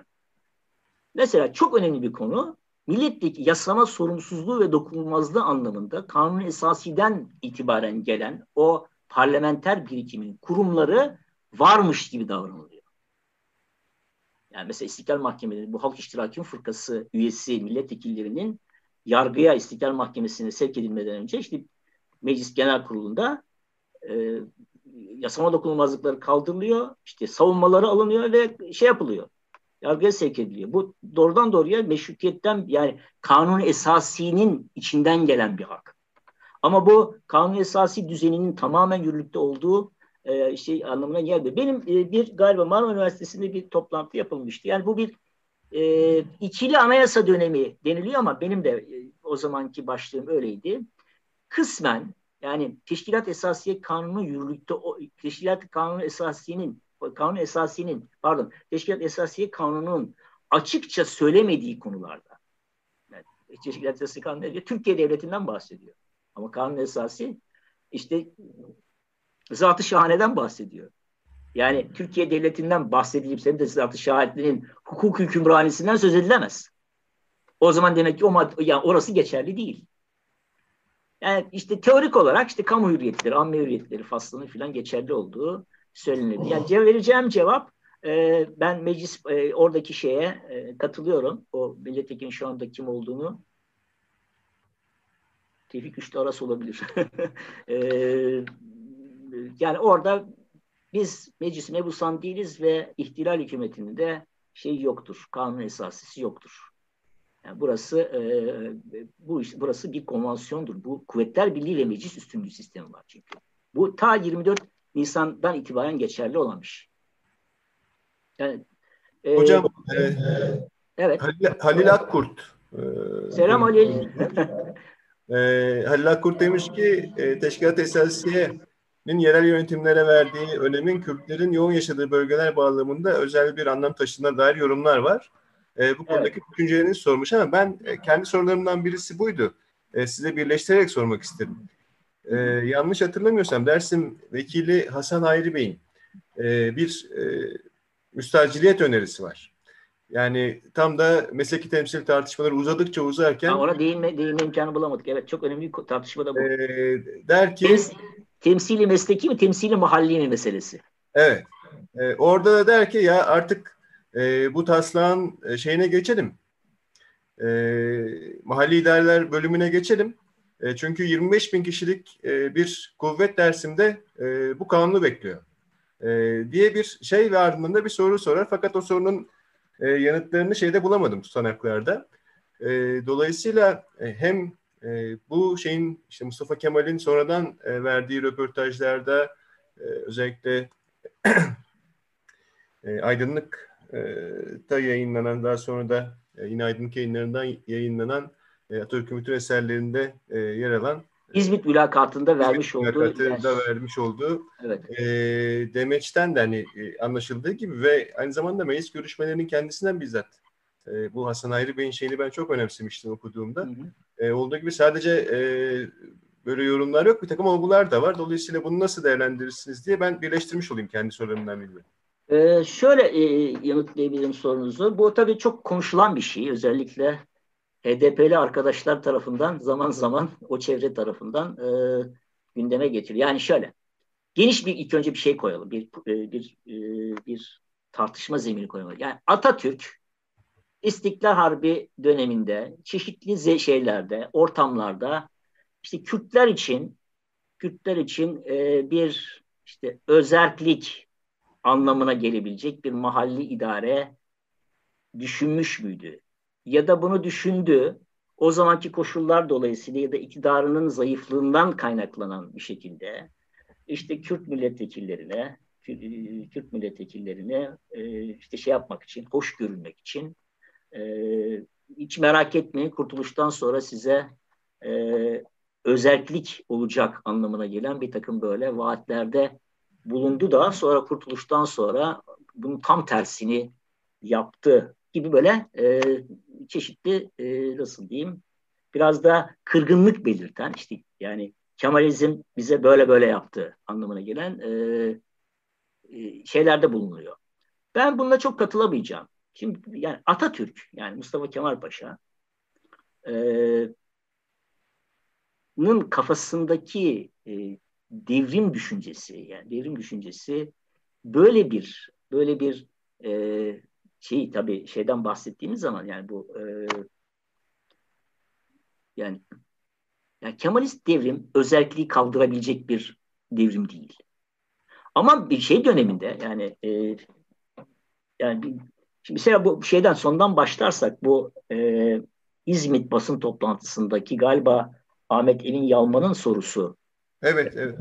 Lazım. İşte orada verilen yani Atatürk'ün aslında düşündüğü, ben bunu bir yerde de yazmıştım. Atatürk'ün düşündüğü e, diyor ki yani benim çıkarsadığım şey zaten diyor esas teşkilat kanununa göre vilayet idaresi e, orada yaşayanların e, tabii ilk müzakere edilirken şeydi muhtariyeti tamme ifadesi vardı. Muhtariyeti tamme aslında istiklal demek. Yani bağımsızlık demek. Yani muhtariyeti tamme olduğu zaman işte bağımsız devlet oluyorsun. Yani her vilayet aslında bağımsızlığı ilan edebilecek hale... açıkça söylüyor. Bir tür federalizm tartışması da yapıyorlar hatta orada. Yani evet. Evet. E, ama o böyle nasıl diyeyim böyle e, ben onu çok şey bulmuyorum. E, konuşuluyor. Ama mesela aynı konuşuluyor ama pekala bir kısmında diyor ki mesela bir başka milletvekili çıkıyor diyor ki e, milletimize diyor böyle bir aşamada diyor bu e, şeyi diyor e, bu kadar tefsiri mezuniyeti birden bak aynı şeydi. Bu kadar tefsiri mezuniyeti birdenbire verirsek bu teşebbüse yol açar diyor. Bu aynı tartışma bugün de var. Yüz yıl sonra. Bu kadar tefsir mezuniyeti verirsek teşebbüs olur. Hatta şey o zaman şöyle deniyor. Mesela bu diyor eğer bu, bu, bu, bu yani burada dediğiniz anlamda muhtariyet olursa Türkiye'de 60 bin hükümet kurulur diyor.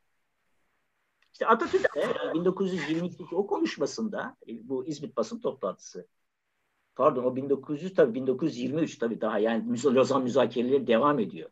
İşte Abdülaziz Köşkü'nde gazetecilere verdiği mülakat. Orada şunu demek istiyor. Yani İçeride Esasiye Kanunu'nda bir şey öngördük. Bir vilayet idaresi öngördük. Eğer Kürtler şunu demek istiyor. Vilayet, bir vilayette, diyelim ki Diyarbakır'da veyahut da başka bir yerde veya işte Dersim'de o tarih itibariyle. Dersim'de. Eğer ekseriyet Kürtlerdeyse yani o zaman zaten oranın meclisi onlardan oluşacaktır. Ve Teşkilat Esasiye Kanunu'nda öngörüldüğüne göre ama derecatının ne olacağı Türkiye Büyük Millet Meclisi tarafından e, belirlenecek olan e, e, e, o derecat içerisinde mahalli idare oradaki insanlardan bu Kürt olabilir veya başka bir unsur olabilir. Oradaki yönetim zaten onlarda olacak. Zaten onlarda olacağına göre böyle adı e, işte, işte Kürdistan olacak veya Lazistan olacak veya başka bir şey olacağı buna bunu bu buna buna hiç gerek yoktur anlamında gelen bir böyle bir moderate ifade kullanıyor. Yani o konuşmadan çıkan siz bu işi fazla kafaya takmayın. Oradan o sonuç çıkıyor. Yani biz zaten bunun gereğini yaptığımızda sizin duyarlılıklarınız tırnak içerisinde tatmin olacak anlamına geliyor. Ama burada buradan tatmin olacak anlamına gelmesi yine bana sorarsan, samimi görüşümün ne olduğunu sorarsan Atatürk'ün kafasındaki mahalli idare konsepti bugünkü belediye meclisinden daha fazla değil. Yani belediye meclisinin yetkilerinden daha fazla değildir. Yani Atatürk'ün kafasında işte Kürt özelliği diye bir şey olduğunu ben ta başından itibaren bazı insanlarda olabilir mi bu görüş? Ama devletin kurucusu açısından böyle bir e, ben e, Atatürk'ün düşünce yani zihin haritasına baktığımda sözlerini, icraatlarını ta gençliğine itibaren şey yaptığımda o bir Jön Türk. E, yani Atatürk'ün Cumhurbaşkanı olduğu bir dönemde, Atatürk Meclis Başkanı olduğu bir dönemde, üstelik de zaferden sonra böyle bir böyle bir mer yani ademi merkeziyetin çok şey olabileceği, yani o konuşma üzerinden de devam ettiriyorum şey görüşümü.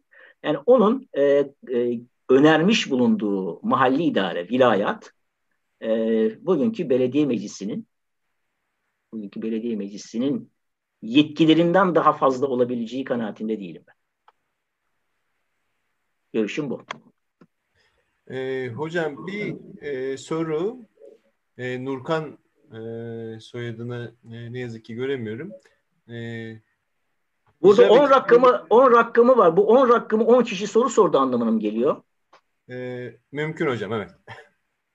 Şu anda 43 arkadaş mı izliyor bizi? Bakıyorum. Galiba. 43 arkadaşımız izliyor. Evet. E, icra vekilleri heyetinde adayların belirlenme süreci meclisi uzun süre işgal ediyor. 244 sayılı kanundan sonra namzetlik usulünden eski usule dönülüyor. Bu arada bir... Tersi arkadaş karıştırmış. Önce 47 namzetlik sonra 244. Evet. Ama soruyu okuyorum. E, muhtelif heyet teklifi var. E, hatta ancak kabul edilmiyor sanırım. E, en sonunda durum e, yapılan değişiklik nedir diye soruyor. Yani bu, bu teknik sorun e, mebuslar kendilerini icra vekili adayı gösteriyorlar. Zira teknik olarak meclis reisinin artık icra vekili için aday göstermediğini biliyoruz. Yani bu mesele nasıl çözüme kavuşturulmuş diye sorar. Aslında konu teknik değil, konu iktidar sorunu. İktidar sorunu. E, yani 7 sayılı namzetlik yasasının çıkarılması Atatürk'ün elini kuvvetlendiriyor. Yani kendi adamlarından e, hükümet kuruyor. Zaten 1921-20'nin yazından itibaren, Mayıs'ından itibaren 47 sayılı kanuna kadar e, böyle e, mesela Nazım Bey örneğinde olduğu üzere onun daire vekil yani devletin en kilit bakanlığı yani en kilit bakanlığı siz halk iştiraki fırkasına kaptırırsanız yandan sonra da zaten hükümeti taklibi hükümet cürmünden yararlanıyor halk iştiraki fırkası. Yani böylesine önemli bir şey. Bakanlar Kurulu'nda kimlerin olduğu. O dönemde. Şimdi de önemli kuşkusuz da. E, e, dolayısıyla 47 ile 47'nin çıkışıyla 47'nin çıkışı tabii ki Atatürk'ün istediği en azından bir sepet önermesi ve meclisin de o sepet içerisinden işte adaylar arasından, namzetler arasından e, millet şey vekilleri seçmesi e, Atatürk'ün kendi adamlarıyla, icra vekilleri heyetine kendi adamlarıyla çalışmasını ve böylelikle iktidarını pekiştirmesi anlamına geliyor. Tabii bu kim o tezahür ediyordu? İkinci grupçuları. Yani Atatürk'ün muhalifi olanları, yani hükümetin tamamen e, Gazi Paşa Hazretleri'nin adamlarından oluşması, kendilerinin muhalefette kalması anlamına geliyordu. Ve buna karşı sürekli vurguladıkları şey neydi? İradeyi milliye yani meclisin üstünlüğü. Yani ikinci grubun, ikinci grup meclisin üstünlüğü konusunda birinci grubu fersah fersah aşar. O vurgulama hususunda. Onun da sebebi aslında iktidarı birinci gruptan alabilmek. Onun sebebi bu. Ee, sonra işte e, sonuç itibariyle bu zaten şeyden sonra yani icra vekillerinin salahiyeti sadece suret intihabı değil.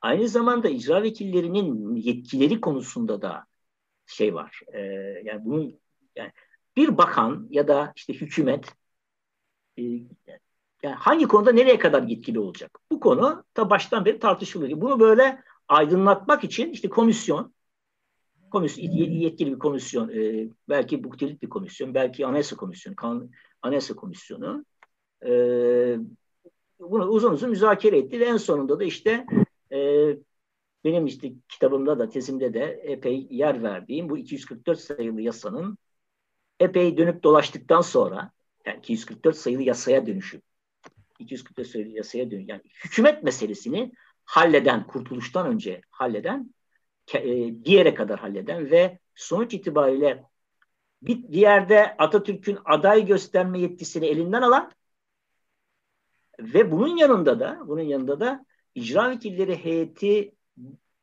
de seçimli bir başkan seçen yani getiren işte Rauf Orbay'ın icra vekilleri heyeti yani hem vekilleri meclis seçiyor hem de hem de icra vekilleri heyetinin başkanını da seçiyor.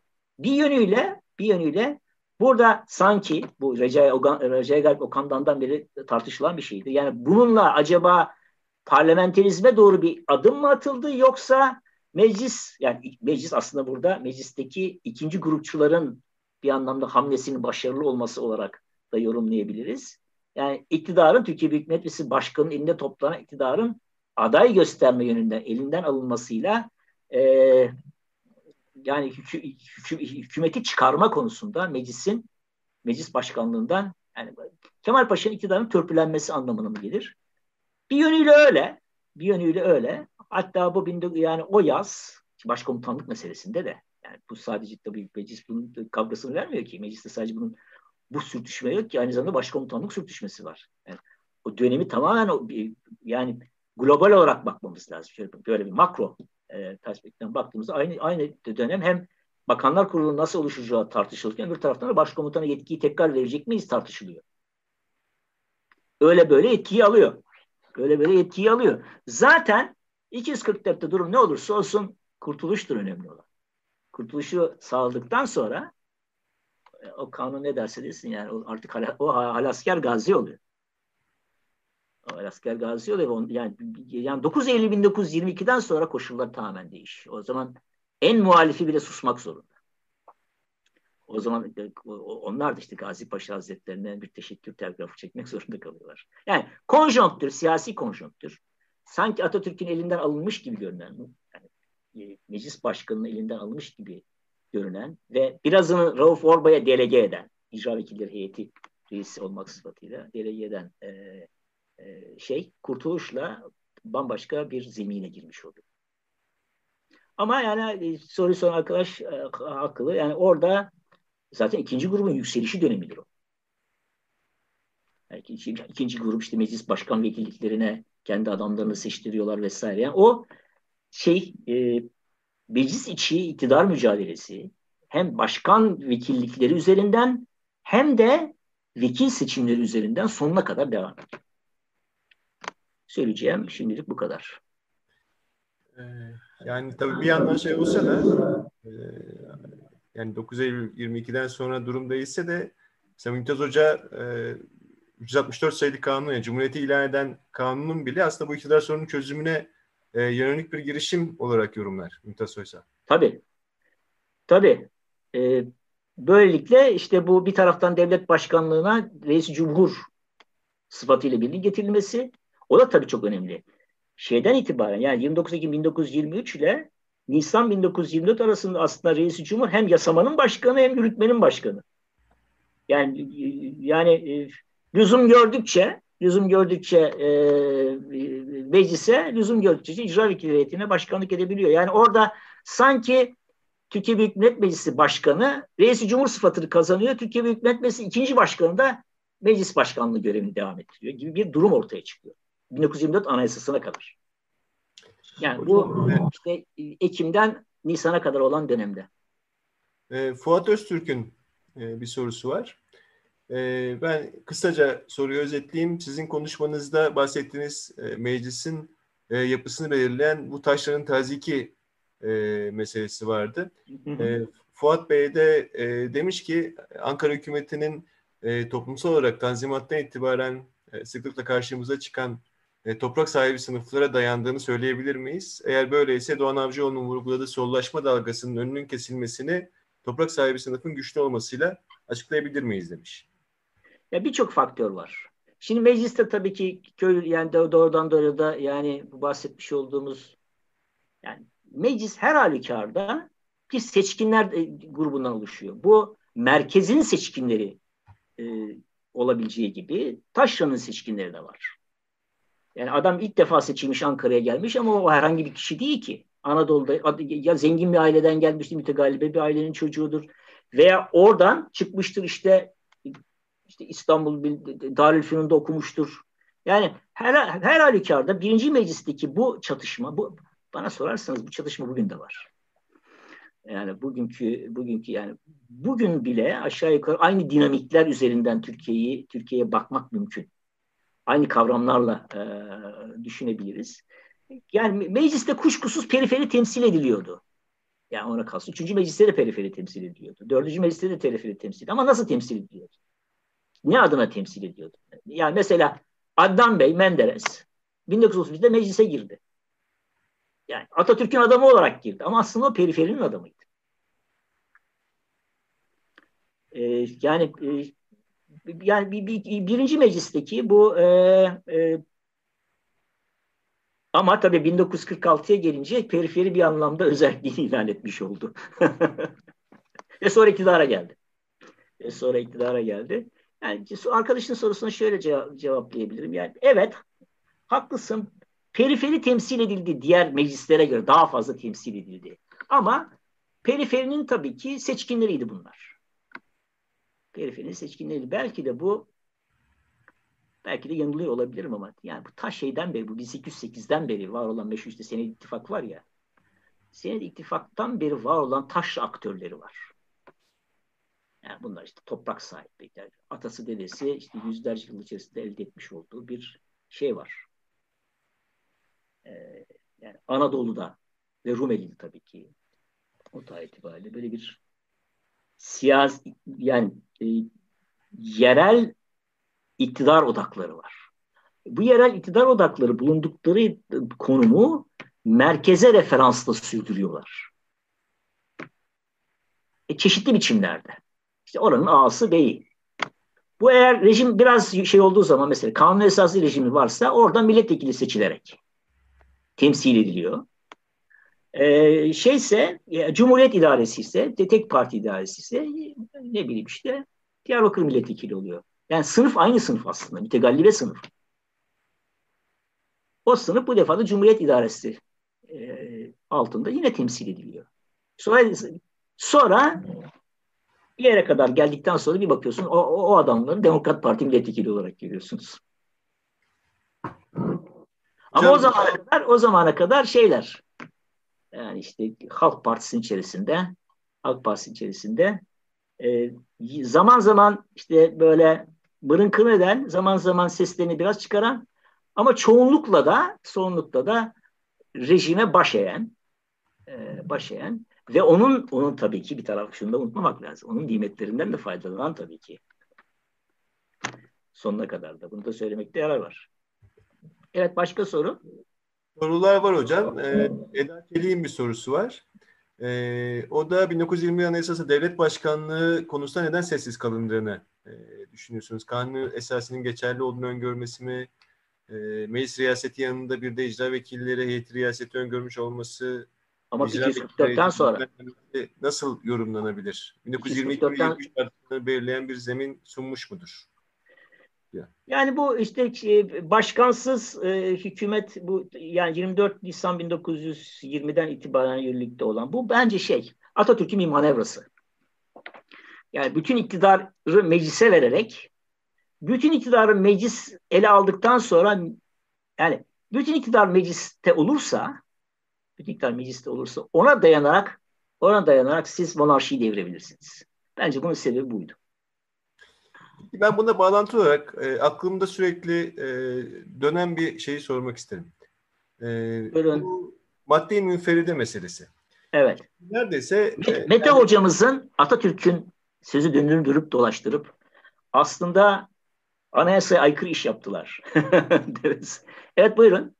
E, şunu yani sadece 1921 Anayasası metninde değil başka bazı metinlerde de e, hatta bazı meclis görüşmenin gizli olmasının nedeni de hilafet ve saltanat söz konusu olduğu zaman bu metne bir şekilde açıkça sokulmak istenmiyor. Örneğin madde-i münferide as asıl olarak meclisin ne kadar e, süre toplu kalacağını bize gösteren e, bir madde e, ve nisabı müzakere kanunu da geçen amaçlar tamamlanana kadar. Yani bir, bir, bir hilafet e, ve bir saltanat adı aslında anayasada geçmiyor. O dolaylı olarak nisabı müzakere kanunu alınarak e, şey, evet tabii tabii şey, tabii. Dolayısıyla 1921 Anayasası bana kalırsa e, hatta diğer anayasalarımızda da e, karşılaştırma yaparsak e, radikal cumhuriyetçinin en yoğun olduğu anayasa. Yani halk egemenliğinin doğrudan kullanacağını, doğrudan halk Tabii, yani ilk dokuz madde direkt cumhuriyet.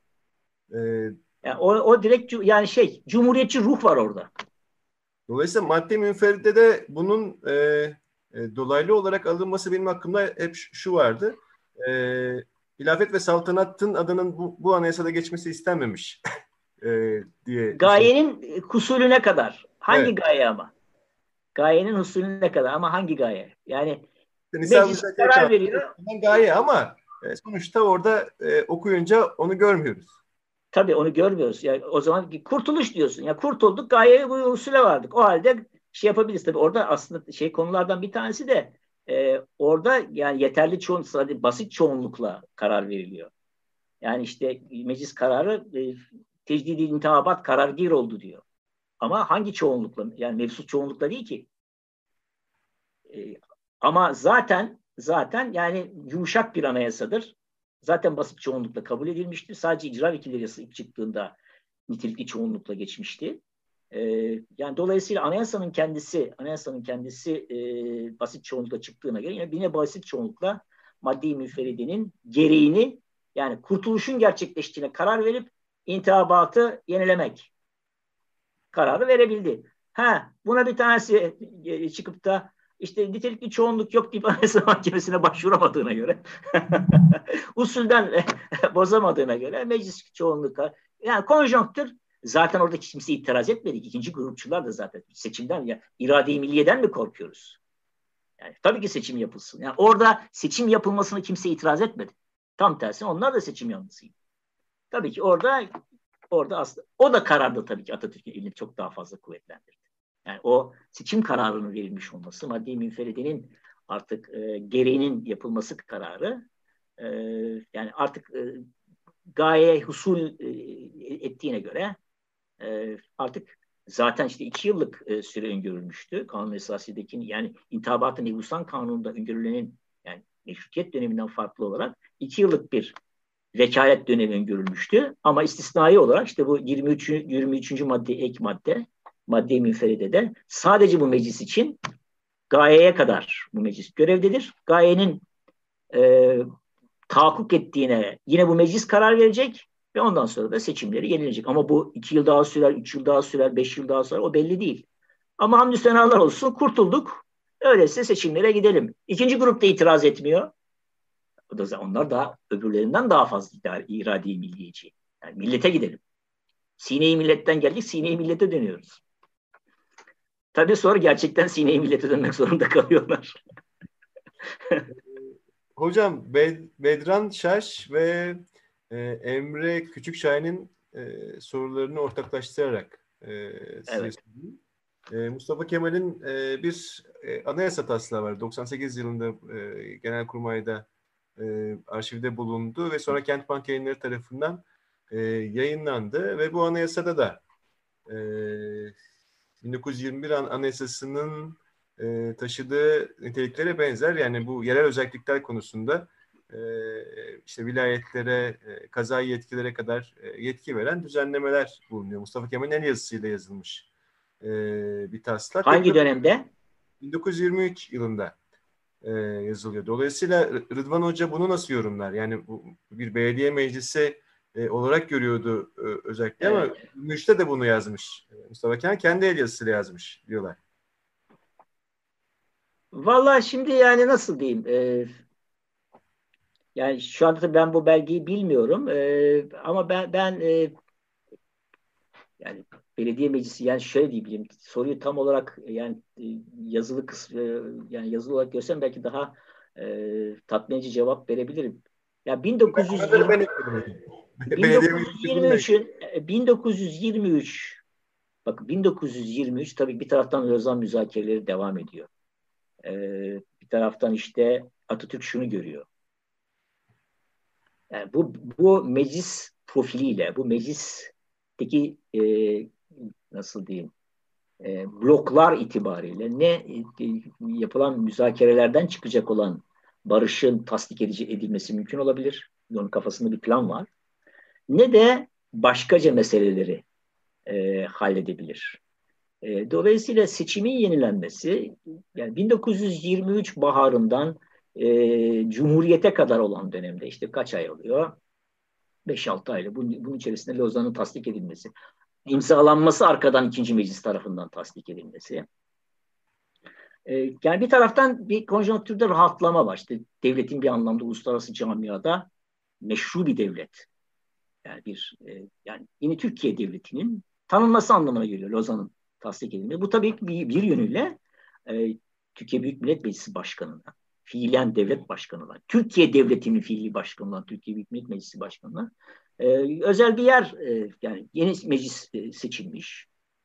E, işte Ankara'da işte içinde yeni milletvekilleri var. 1922. meclisi kastediyorum. Ya mesela bunu diyelim ki arkadaşımızın bahsettiği şeyi bu arada söylemiş ya da yazmış olsa bu an bu ne anlama gelebilir? Ee, tabii yani e, 23'te yaşamak gerekir. Yani 1923'te yaşamak gerekir. Ben yani henüz henüz o 1924 terakkiperver kavgası yaşanmadan terakkiperver yani bu Atatürk'ün elinden iktidarı alma e, hamlesi olmadan yani Atatürk'ün gücünün bir anlamda zirvede olduğu kurtuluşun gerçekleştiği ve toplumun biraz yani toplumsal e, gerilimin de düştüğü bir anlamda işte Gazi'nin Halasker Gazi'nin arkasında böyle bir e, yani ismin üzerinde büyük bir karizmanın olduğu dönemde böyle şeyler karalamış olabilir. Bunun ee, ötesinde çok hocam, fazla... şey e, şöyle basılan bir metin. 1923 e, Temmuz'unda e, kaleme alındığı düşünülüyor. E, şaşırtıcı değil. E, çünkü Ağustos'ta yani bu arada tabii ki e, şeyde devam ediyor. Yani Lozan daha imzalanmamış. Seçim süreci devam ediyor ve meclis de toplanmamış. O anlama geliyor. Yani çünkü Ağustos'ta toplanacak ve 13 Ağustos'ta Lozan Barışı'nı tasdik edecek. Yani bir anlamda şey, yani şey e, yani e, yani zihinsel bir antrenman yapıyor olabilir. Ama bu böyle e, yani arkadaşımızın görüşünü yani sorusunu ne ölçüde cevaplayabileceğim tatmin edici olarak emin değilim ama ben e, Atatürk'ün e, bu yerel yönetim inisiyatifini e, ne çok yani tefsi yani Atatürk'ün o demin bahsettiğim ya bir milletteki tefsi mezuniyetin derecatını çok fazla şey yapmayalım. Çünkü devrim tefsi mezuniyetle yürümez. Çünkü Atatürk'ün kafasında başka planlar olduğuna göre, layıklık olduğuna göre, hukuk devrimi olduğuna göre, irtica ile mücadele olduğuna göre, Türk aydın, Türk Rönesansı olduğuna göre bunları yapabilmesi için bunlar tefsir mezuniyetli olamaz.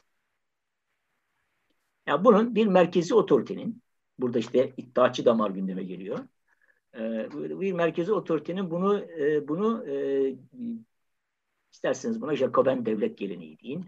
E, yukarıdan aşağıya gerçekleştirmesi gerekir ki bu da şeyden itibaren bu yani Osmanlı Türk modernleşmesinin genel tabiatına uygundur. E, ben Atatürk'ün o fırkaya mensup olduğu kanaatindeyim. Yani o öyle şeyler e, bir, bir egzersiz olarak düşünmüş olabilir. O yaz. Ama Cumhurbaşkanı olduktan sonra, hele terakkiperver kapışmasından sonra, hele takrir sükun yani 1925 olayından sonra e, yani Cumhuriyet'in ve orada Atatürk'ün çizdiği şey tamamen farklıdır. Yani bu, bu, bu yani zaten e, zihinsel arka plan e, tefsi mezuniyetten ziyade e, merkezi inkılapçı idareye yakın. Yani Atatürk devrimini tefsi mezuniyetle, tefriki vezayetle veyahut da işte ademi merkeziyetle gerçekleştirme düşüncesinde olabilecek biri değil. Benim kanaatim bu. Sonuç olarak iki farklı e, cumhuriyet gibi zaten e, şey. evet yani sizin şeyiniz e, e, yani ya diyelim ki 1920 seçimleri yine ikinci grup kazansaydı, öyle bir şey olsaydı ya da ikinci grup kafasındakiler kazansaydı nereye giderdi Türkiye? Bilmiyorum. Bana sorarsanız ikinci grup kazanamazdı. Yani ikinci grup hiçbir zaman kazanamazdı. Çünkü e, işte, bu iş yani konjonktür buna müsait değildi. İktidar e, yani, yani onların bir de tabii ki ikinci grup her ne kadar böyle işte çok nasıl diyeyim e, yerinden yönetimci, yerinden yerel demokrasiyi öne çıkaran, temsil öne çıkaran figürlermiş gibi görünüyorsa da bu tabii iktidarda denenmiş, yani iktidarda denenmiş olsaydı acaba ne olurdu? Onu da bilemeyiz. Yani mesela yine madem ki soruldu, ben de samimi bir şekilde cevap vereyim. Aslında ikinci grup üyesi milletvekillerinden pek çoğu kafa olarak bu ne kadar böyle meclis üstünlüğünden işte hürriyetlerden filan filan söz ediyorlar olsalar da yani kişisel kanaatimi söylüyorum. Eğer iktidarda olsalardı işte halk fırkasının diktatoryasından daha ileri şeyler yapabilirlerdi. Yani benim kişisel kanaatim bu. Yani bütün mesele şey iktidarda mısın muhalefette misin? Bunu tabii ki daha sonra Türkiye'de pek çok örneğe göre Demokrat Parti'yi düşünün. Daha sonra Adalet Partisi'ni düşünün. İdareyi Hazırayı düşünün. Yani yani ilk başladığınız noktayla ya da argümanlarınızla pratiklerinizin ne olduğuna bakar. Yani ikinci grup işte şimdi tabii ki Ahmet Demirel arkadaşımız bana kızıyordur. Bunlar. e, tabii ben kanaatte değilim. E, yani o yani bu hürriyeti şahsiye meselesinin söylemle söylemle iş pratiğe döküldüğü zaman bambaşka e, durumlar ortaya çıkabilir. Evet, çok böyle hürriyetçi görünen, çok mebus görünüyor ama bir iktidarda, yani iktidara bir gelirse, yani İsmet Paşa'nın meşhur lafı vardır. Bir adamın denemek istiyor musun? Küçücük bir iktidar var. Küçücük bir iktidar verilseydi acaba ne yaparlardı onu bilemeyiz. Ben çok olumlu göremiyorum. Yani o yapmış olduğum okumalardan. E, keşke görebilseydim. Ama bütün mesele işte e, iktid- yani güç elinizde olduğu zaman hangi problematik içerisinde ne yapıyorsunuz? Onu görmek lazım. Şimdi tabii burada bir şeyden baktığımızda pekala 20'lerden itibaren Türkiye çok demokratik bir ülke olabilirdi. Çok böyle liberal demokrat şey. Hiç de olamazdı. Kim iktidarda olursa olsun. Hürriyet İtilaf'ın iktidarında gördük. Benim kanaatim bu. Beni çok Kemalist buluyor olabilirsiniz. Hocam e, Halil Akkurt'un e, yine bir sorusu. Evet. İkinci grubun ve aynı zamanda grubun önde gelen ismi Hüseyin Avni Bey'in. Hüseyin Avni Ulaş'ın anayasal bağlamda birinci grubun muhalefet dışında özel bir ajandası var mıdır? E, bu soru şu açıdan önem kazanmaktadır demiş. E, bugün dergah yayınları çatısı altında varlığını sürdüren bu geleneğin temsilcisi olarak e, bugün takdir görerek kimi önemli noktalara gelebilen Nurettin Topçu üzerinden Hüseyin Avni Ulaş'a bağlanarak bir gelenek e, yaratanların sahiplenebileceği bir anayasa tasarısı var mıdır demiş. Vallahi Halil'in e, e, Halil ikinci selam gönderiyorum buradan. Çünkü o çok uzaklarda bir yerde çalışıyor. E, Valla işte yani işte bu şey ikinci grubun neyi temsil ettiği. Aslında ikinci grup böyle çok homojen bir şey temsil etmiyor. Mesela Hüseyin Avni Ulaş bence Atatürk'e e, sevmiyor Atatürk ya. Yani şey Atatürk yani şey bu Paşa Hazretleri başımıza bela diye düşünüyor. Yani bir çeşit Enver Paşa gibi e, gördüğüne eminim. Zaman zaman işte böyle onu onar edici laflar söylese de e, böyle nasıl diyeyim işte onun böyle e, bir Osmanlı generali olduğunu ve e, kafasında böyle bir diktatör idaresi yani iddiaçıların yap, yani meşrutiyette iddiaçılar tarafından ne yapılmışsa yani Enver Paşa ve işte o Triumvira neyi gerçekleştirmişse sonuçta neye yol açmışsa Atatürk'ten de hatta daha beterini beklediğini söyleyebilirim. Çünkü Atatürk'ün işte yani Enver'den daha tehlikeli bir adam olarak gördüğünü düşünüyorum ben e, şeyin. Yani şeyin üzerinden, Hüseyin Avni Ulaş üzerinden ya da o, o çevredeki şey üzerinden bir anayasa yani o çevrenin dediği olsaydı Türkiye'nin anayasası e, işte prospektif anayasa ya siyasal rejim ne olabilirdi? Yani ben e, yani o grubun e, Türkiye'yi liberal demokrasiye götürebileceği kanaatinde değil. Yani çünkü sonuçta siz e, neyi söylerseniz söyleyin, iktidarınızda neyi yapacağınızın sınırı oturduğunuz sosyopolitik, sosyoekonomik ortamla büyük ölçüde bağlantılı. Ben ikinci grubun e, Türkiye'yi e, Türkiye'yi Kemalist devletten daha iyi yönetebileceğini düşünmüyorum. Daha daha liberal bir devlet devleti inşa edebilecek kanaatinde değil. Ee, hocam Muhammed Bey'in bir sorusu var. 1921 Anayasası'nın e, yumuşak bir anayasa olarak hazırlanmasının nedeni nedir diye sormuş. Çünkü şey e, şey meselesi ki basit çoğunlukla karar almak zorundalar. Yani şey hani bir şey, şey vardır ya basit çoğunlukla adam asma. İkiye bir karar alır. yani bir oy bile fark etse İstiklal Mahkemesi kararı tasdik edilir. Yani işte zaten e, her livadan beş kişi seçilmiş. İstanbul'dan katılanlar da var. 400 küsür kişi oluyor. Fiilen tabii 250'nin üzerinde kimse bulunmuyor. Birçoğu mezuniyet almış, memleketine gitmiş. Yani böyle bir ortamda, böyle bir e, şey ortamında e, Nisa Müzakere Kanunu zaten onu gözetmiş. E, böyle bir ortamda nitelikli çoğunluk zaten e, milletvekili şeyin vekillerin seçilmesinde de mümkün. Başkacı konularda da e, mümkün olmuyor. Dolayısıyla anayasanın e, basit çoğunlukla kabul edilmiş olması, üçte iki, üçte ikilik bir şeyle hiçbir, hiçbir konuda karar alamazsınız ki. Ve neye ihtiyacınız var? Acil karar almaya ihtiyacınız var. Yani ihtilalci ortamlarda e, yani şöyle diyeyim e, statiko ortamlarında ancak vasıflı çoğunluklarla iş görülebilir. Yani dünya tarihine bakın. Yani bir statik oluşmuştur, kurumlar oturmuştur. Mesela bizde 61 Anayasası'nda işte şeyi koyması, Cumhurbaşkanı'nın ilk iki turda işte üç, iki çoğunlukla seçilmesini istemesi. Bunun olabilmesi için bir bir nasıl diyeyim bir bir demokrasi tezbisi içinden gelmiş olmanız, tarafların bir, birbirini tanımaları, yani iktidar muhalefet şeyin e, dengelerinin kurulması, e, dahası yani oturmuş siyasal kurumların olduğu yerde nitelikli çoğunluklar, nitelikli çoğunlukla kararlar üretilebilir. Şimdi zaten bir taraftan savaş var.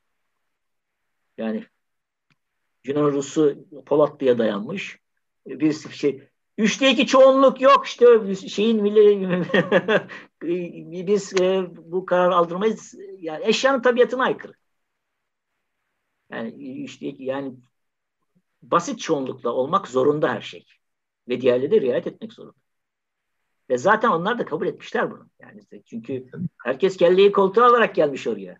Adam meclisi fesi yani meclisi mebusa'nın e, feshetmiş Sultan Vahdettin e, arkadan da işte divan harp ölüm cezası vermiş hepsine. Yani siz orada nefsi çoğunluk arayabilir misiniz? Karar alınacak ve uygulanacak. Hocam e, iki sorumuz kaldı. E, bir soru da e, ben yine ekleyeyim son bir soru olarak. E, yani kendi sorayım, sonra diğer iki soruyu e, size soracağım. Başka da artık soru almayalım çünkü az bir zamanımız kaldı. E, şunu soracağım. Siz de bahsettiniz. E, halkçılık programı e, ilk geldiğinde e, Büyük Millet Meclisi'ne e, halk cümlesinden Mesut Bey e, sanırım Mesut Bey'di yanlış hatırlamıyorsam itiraz ediyor. Veya bu e, halk cümlesi programının bir tür e, yanlış yorumu. E, siz bizi e, kandırmak için mi bunu buraya getirdiniz? Bizim programımıza aynısını getirmişsiniz. E, buraya hükümet programı olarak sunmuşsunuz. Diyor ki iki şeyi soracağım. Bir yandan tabii e, Mesut Bey'in e, bütün... Şey işte bu Ankara işte meşhur Ankara var. Yani sosyalizm gerekecekse onu da biz getiririz. şey boyunca tavrı e, yani e, oldukça entelektüel olduğu belli. E, Rusocu bir yerden bakıyor. Rus'un adını anarak söylüyor. Yani biz halk egemenliğini uygulayacaksak e, bir yandan temsil ilkesini buna göre e, düzenlemeliyiz. Siz yine siz bizi kandırmaya mı getirdiniz e, bunu diye çok defa da e, söz olarak söylüyor. Bir, bir bunu soracağım. Gerçekten Halk Zümresi, Mete Tuncay Hoca'nın da şeyiydi. E, Halk Zümresi'nin tasfiyesinin aslında bir e, adımı olarak halkçılık programı e, sunuldu Büyük Millet Meclisi'ne. Tabii yükselen dalgayın önünü kesmek. Tabii. Haklı. Bir, bir, e, bunu soracağım. Bir de e, o halkçılık programı sunulduğundaki asıl tartışmada e, siz e, bunu ne olarak sunuyorsunuz? Bir, bir hükümet programı mı ki böyle bir hükümet programı sunamazsınız. Zaten meclis hükümetin kendisi. Evet, evet, evet. evet. E, diye bir iddia var. E, bir yasa mı? Bu pek yasaya benzemiyor. E, nedir? Bir de o tartışmayı soracağım size. Olay aslında e, kendi e, nasıl diyeyim olağan ev, yani bir evrim süreci içerisinde anayasaya dönüşüyor. Yani şimdi evet 1920 sonbaharında işte bir taraftan TKP kurulmuş şeyde, bir taraftan işte Halk İştiraki Fırkası var. Böyle e, Ankara'da kurulmuş bulunan. İşte böyle yarı hafif faaliyetler sürdürüyor. Bir taraftan işte e, Atatürk bundan rahatsız oluyor. Bir taraftan onu denetleyebilmek için işte resmi Komünist Partisi'ni kurduruyor. Bir taraftan Rusları şey yapmak zorunda. Kollamak zorunda. Yani o konjonktür tabii ki yani 1920 sonbaharından 1921 kışına kadar olan dönemdeki o özel konjonktür herkes böyle herkes böyle solcu laflar etmek zorunda o dönemde. Atatürk dahil. E, hatta konuşmalara baktığımızda yani vay be ne anti emperyalizm diyorsunuz böyle. Yani buradan, buradan, buradan, buradan yani yani bu, buradan buradan yani buradan yani şey yani e, yani Ankara Sovyeti çıkar falan diye düşünebilirsiniz o konuşmalardan. Ha, bana sorarsanız kimse de Marx'ı falan da okumuş değil orada. Okuyanlar var ama bilenler var ama çok fazla değil. E, yani şöyle değil. E, Atatürk'ün de tabii ki o dönemdeki koşullarda yani tabii ki arkadaşımız haklı. Bir, bir taraftan e, e, bu sollaşma olayını ya da nasıl diyelim Anadolu hareketinin aslında sollaşma değil bu. Bolşevize etme. Yani e, pekala şöyle olabilir yani Halk İştiraki'nin fırkası iktidara gelebilirdi. Yani çünkü bu e, Atatürk'ün aslında şey yaptığı şey o. Yani o riski ortadan kaldırmak aslında. Yani 1921 Ankara İstiklal Mahkemesi yargılamaları aslında e, hem Enverist hamleyi hem de TKP hamlesini elimine eden bir yargılamadır. Yani halk iştirakin fırkası üzerinde. Sonunda ama tabii bunu Ruslar bunu problem etmiyorlar. Onlar gerçekçidir. E, aynı İngilizler gibi. E, yani bu onların iç meselesi. Biz işimize bakalım. E, ama şunu da yani ortak paydamız var mı? Var. Yani biraz e, başka konulara girmiş gibi oldum ama şöyle cevaplandırabilirim. Yani evet haklısınız. Yani halk zümresinin halk zümresi etrafında yükselmekte olan bunun içerisinde aslında şeyi de dahil edebiliriz. Yani bu işte seyyare yeni dünya olayı etem metem o işlere de dahil. Şimdi zamanımız gittikçe daraldı. Yani e, iktidar aslında ortada. İktidar aslında ortada. Sola da gidebilir, sağa da gidebilir. Hatta iktidardan düşebilirsiniz. İktidardan düşebilirsiniz. Pekala muhafazakarla iktidara gelip İstanbul'la yani anlaşmaya varılabilir. İşte bunun e, bu, bu kaynaşmadan e, Atatürk'ün partisi yani kendi şeyi, kendi ekibi e, Teşkilat Esasiye Kanunu çıkarıyor ve zaten bunun ilk şeyi 47 sayılı kanun. Yani 47 sayılı kanun e, o şeydir. Başkalarının eline düşebilecek şeyi kaptırmama kanunudur. E, öyle olunca icra vekilleri heyetinde pozisyonunuzu tahkim ederseniz onun üzerinden bir layihayla rejimi tanzim edebilirsiniz. O da teşkilat esasiye kanunudur. Bu şekilde cevaplayayım sorunuzu. Hocam son iki soru soruyorum size. Ee, birincisini Barış Bahçeci sormuş. Ee, Menderes'i periferin adamı olarak tanımlamanıza istinaden siz Büyük Millet Meclisi'nin kompozisyonunu merkez çevre ayrımı açısından nasıl görüyorsunuz? Bir başka deyişle Menderes periferi ise sizce merkez kimdir? diye sormuş. Merkez İsmet Paşa. ya yani tabii biraz belki de eksajere ederek söyledim. Ama yani e, çok da böyle e, evet yani, yani Demokrat Partili merkez yani kuruluş ideolojisini kuruluş ideolojisini ile taban tabana olmayan bir periferi hareketiydi. Yani periferinin işte tarım ve ticaret burjuvasinin önderliğinde e, işte geniş halk kesiminde arkasına şey yaparak onlar da kendileri iktidara geldiklerini zannediyorlardı köylüler. Jandarmadan kurtuldukları için. Yani periferinin temsilcilerini bu taş avukatları olabilir ya da işte Menderes örneğinde olduğu gibi işte tarım burjuvazisi olabilir veya mütegallibe olabilir. Modernize olmuş mütegallibe olabilir. Bunlar işte 1950 meclisini doldurdular. E, merkez merkez işte kim işte şey beyaz şeyler, devleti kuranlar. Jön Türklüğe devam edenler yani.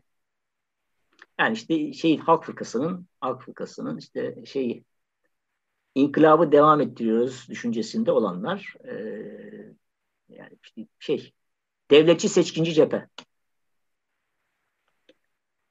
e, diye tanımlayabilirim. Ve onun onun aktörleri onun aktörleri yani bugün suçlandı ya hani senin deden işte senin baban işte 1939'da işte o onu kastediyor. O merkezin adamı o. o merkezin adamı bugün aslında yine periferi suçlamış oldu. Merkeze oturmuş eski periferi. Ben o kanaatteyim. Eski merkezi suçluyor ama. evet. Hocam son, son soru e, Zülfiye Yılmaz hocamızın sorusu ama e, Sevgiler Zülfiye. E, Emre Küçük Şahin şeyi sormuş. E, bu 1923 Taslağı Mustafa Kemal'in... E, bu Zülfiye'nin sorusu mu? Yok o değil. Ee, başka bir arkadaşımız sormuş hangi yayın evinden diye. Kent Bank yayınları basmış. Artık yok bu yayın evi muhtemelen. Ee, Neydi cevap... ben de anlamadım. Bu Kent Bank. Yayınlanan şey nedir? Şey hocam bu 1900 Atatürk'ün ilk anayasa taslağı diye az önce gösterdiğim metin. Ha demin gösterdiğiniz şey. Evet. İtiraf edeyim ki ben onu bilmiyordum. Ee, önemli bir belge hocam. Şimdi şunu, şunu da itiraf edeyim. Hocamın sorusu Efendim? Uzun, uzun süre bu birinci meclisleri çünkü insan 10 yıl bir şey çalışınca bir süre böyle uzaklaşmak istiyor. Başka şeyler yapıyorsunuz. Orada işte kopmuşum. Pardon söyleyin. Hocam son soru Zülfiye Yılmaz'ın sorusu. Evet. Cemeroğlu Cumhuriyet'in ilanı devlet biçimi sorununu 3 Mart 1924 tarihli 3 e, yasada yani hilafet, tevhid, tedrisat ve efkaf ve şeriye e, yasaları da egemenlik sorununu çözdü. E, bundan sonra yapılması gereken bu yapıya bir tüzel çerçeve çizmek için yeni anayasa yapma gereğini yerine getirmektir diyor. Bunu 1924 yerine yumuşak anayasa 1921'i değiştirerek yapamazlar mıydı? 1921 atfedilen bu yetersizlik salt sistematik yetersizlik değil sanki demiş. İşte parti iktidarını tahkim edecek. Yani şey orada öyle bir şey de var. Yani artık reisi, reisi cumhur seçilmiş e, yani küçük küçük hamlelerle yani işte bu işte 364 yani Teşkilat Esasiye Kanunu tavsiyen tadil eden işte huzuha kavuşturarak düzelten değişiklik büyük sonuçlar aslında. Cumhuriyeti ilan etmiş oluyorsunuz. Ama hukukçuluk açısından baktığımızda şeydir, e, küçük bir şey görünür. Yani minör bir değişiklik. Minör bir değişiklikle maksimum faydayı sağlıyorsunuz. Yani Türkiye Devleti'nin şekli hükümeti cumhuriyettir. E daha önceden zaten Türkiye Devleti'nden bahsediyorduk. Şimdi onu açıklamış oluyor. E, işte o, o arada geçen süre içerisinde yani Ekim'den Nisan'a kadar olan 1924 arasına kadar olan sürede e artık yani işte şükürler olsun e, reisi cumhur intihap da ettik. Devletin ne olduğu da ortaya çıktı. Yani oturup da yani bu işin tam manasıyla ne olduğunu e, şey yapalım işte adını koyalım bunun. Kurumlarımızı oluşturalım. Bir de ha şey mesela Zülfiye'nin sorusundan şey olabilir yani başka yani 1921 Teşkilat Esasiye Kanunu'nun e, başka maddeler ekleyerek ama 1921 Teşkilat Esasiye Kanunu'nun buna müsait bir e, bir e, formatı yoktu. Çünkü 23 maddeden oluşuyor. Yani Teşkilat Esasiye Kanunu aslında olan şeyler 1924'te aynen var. Ama tabii asıl mesele şey e, yani Cumhuriyet'in kendisini bir anayasayla tanımlamış olması. Yani Cumhuriyet'in anayasası olmuş oldu. Yani eğer öyle olmuş olsaydı, Zülfiye'nin dediği gibi olmuş olsaydı bir anlamda milli bir şeyden itibaren yani 23 Nisan 1920'den beri gelen geleneği devam ettirmiş olur. Yani ya da var olan vakayı tasdik ederek ilerleme anlamına gelir. Bir anlamda evrimcilik olurdu. 24 devrimciliktir. Her şey yine yani bir, bir çeşit şey. Yeni format atma. O formatın içerisinde eski şeyler de var. 1920 Anayasası'nın unsurları da var. Ama bütün kurumları epey de uzun bir anayasadır. Ülfiye benden daha iyi bunları. Ee, uzun bir anayasadır. Ama e, yani netice itibariyle 24 gibi bir metnin ortaya çıkması tabii ki şeye de bağlı. Tam tasfiyeye de bağlı. Yani hilafetle şeyin e, Osmanoğulları Hanedanı'nın gönderilmesiyle, hilafetin lavıyla da alakalı. Yani o konu, ondan sonra oluyor bu işler. Yani eski rejim, Asyen rejim tamamen tasfiye edildikten sonra, bütün kurumlar tarihi intikal ettikten sonra Cumhuriyet'in bütün müesseseleri, bütün kurumları yeniden yani e, formatlanmış oluyor 1924 Anayasası'yla. Bence böyle yapılmasının sebebi bu. Zülfiye'yi bu şekilde e, cevaplamış oldum. Hocam çok teşekkür ederim. Ee, gerçekten çok e, iyi bir çerçeve, tatmin edici bir çerçeve oldu. Ee, ben teşekkür ederim. Ben teşekkür ederim. Ee, Sağ olun. Dinleyen arkadaşlara da zaman içerisinde azaldı. 28'e düştük ama Evet hocam hatırlatmış. YouTube'da da yayınlanıyor aynı anda. Orada evet. da bir 35 e, civarı e, evet. e, dinleyen e, arkadaşımız, dinleyicimiz varmış. E, ben teşekkür ederim gerçekten. Yani Tarih Vakfı yöneticilerine e, ve bu e, bu serinin editörü olarak zaten size çok teşekkür ediyorum. İlk konuşmacı olmak da benim için e, hakikaten özel bir e, onur meselesi. Böyle, böylesi bir başlık. Çok önemli bir konu bu. Yani devletimizin temelindeki hem, burada hem milli mücadele var hem hem cumhuriyet var. Cumhuriyetin temelleri var. Hem kurtuluş var.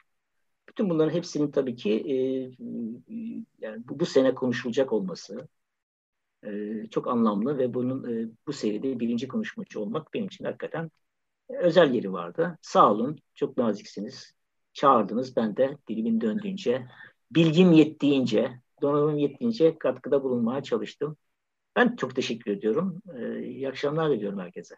İyi akşamlar hocam. Bir hatırlatma ile bitireyim. Ee, 19 Kasım'da iki hafta sonra e, Sinem Şirin hocamız e, bize e, Büyük Millet Meclisi'nin kurucu vasfını, 1921 Anayasası'nı yapan e, meclisin kurucu niteliğini e, anlatacak. E, hepiniz hoşçakalın e, diyeyim.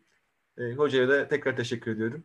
Ben teşekkür ederim. Çok teşekkürler. İyi akşamlar dilerim. İyi akşamlar. İyi akşamlar.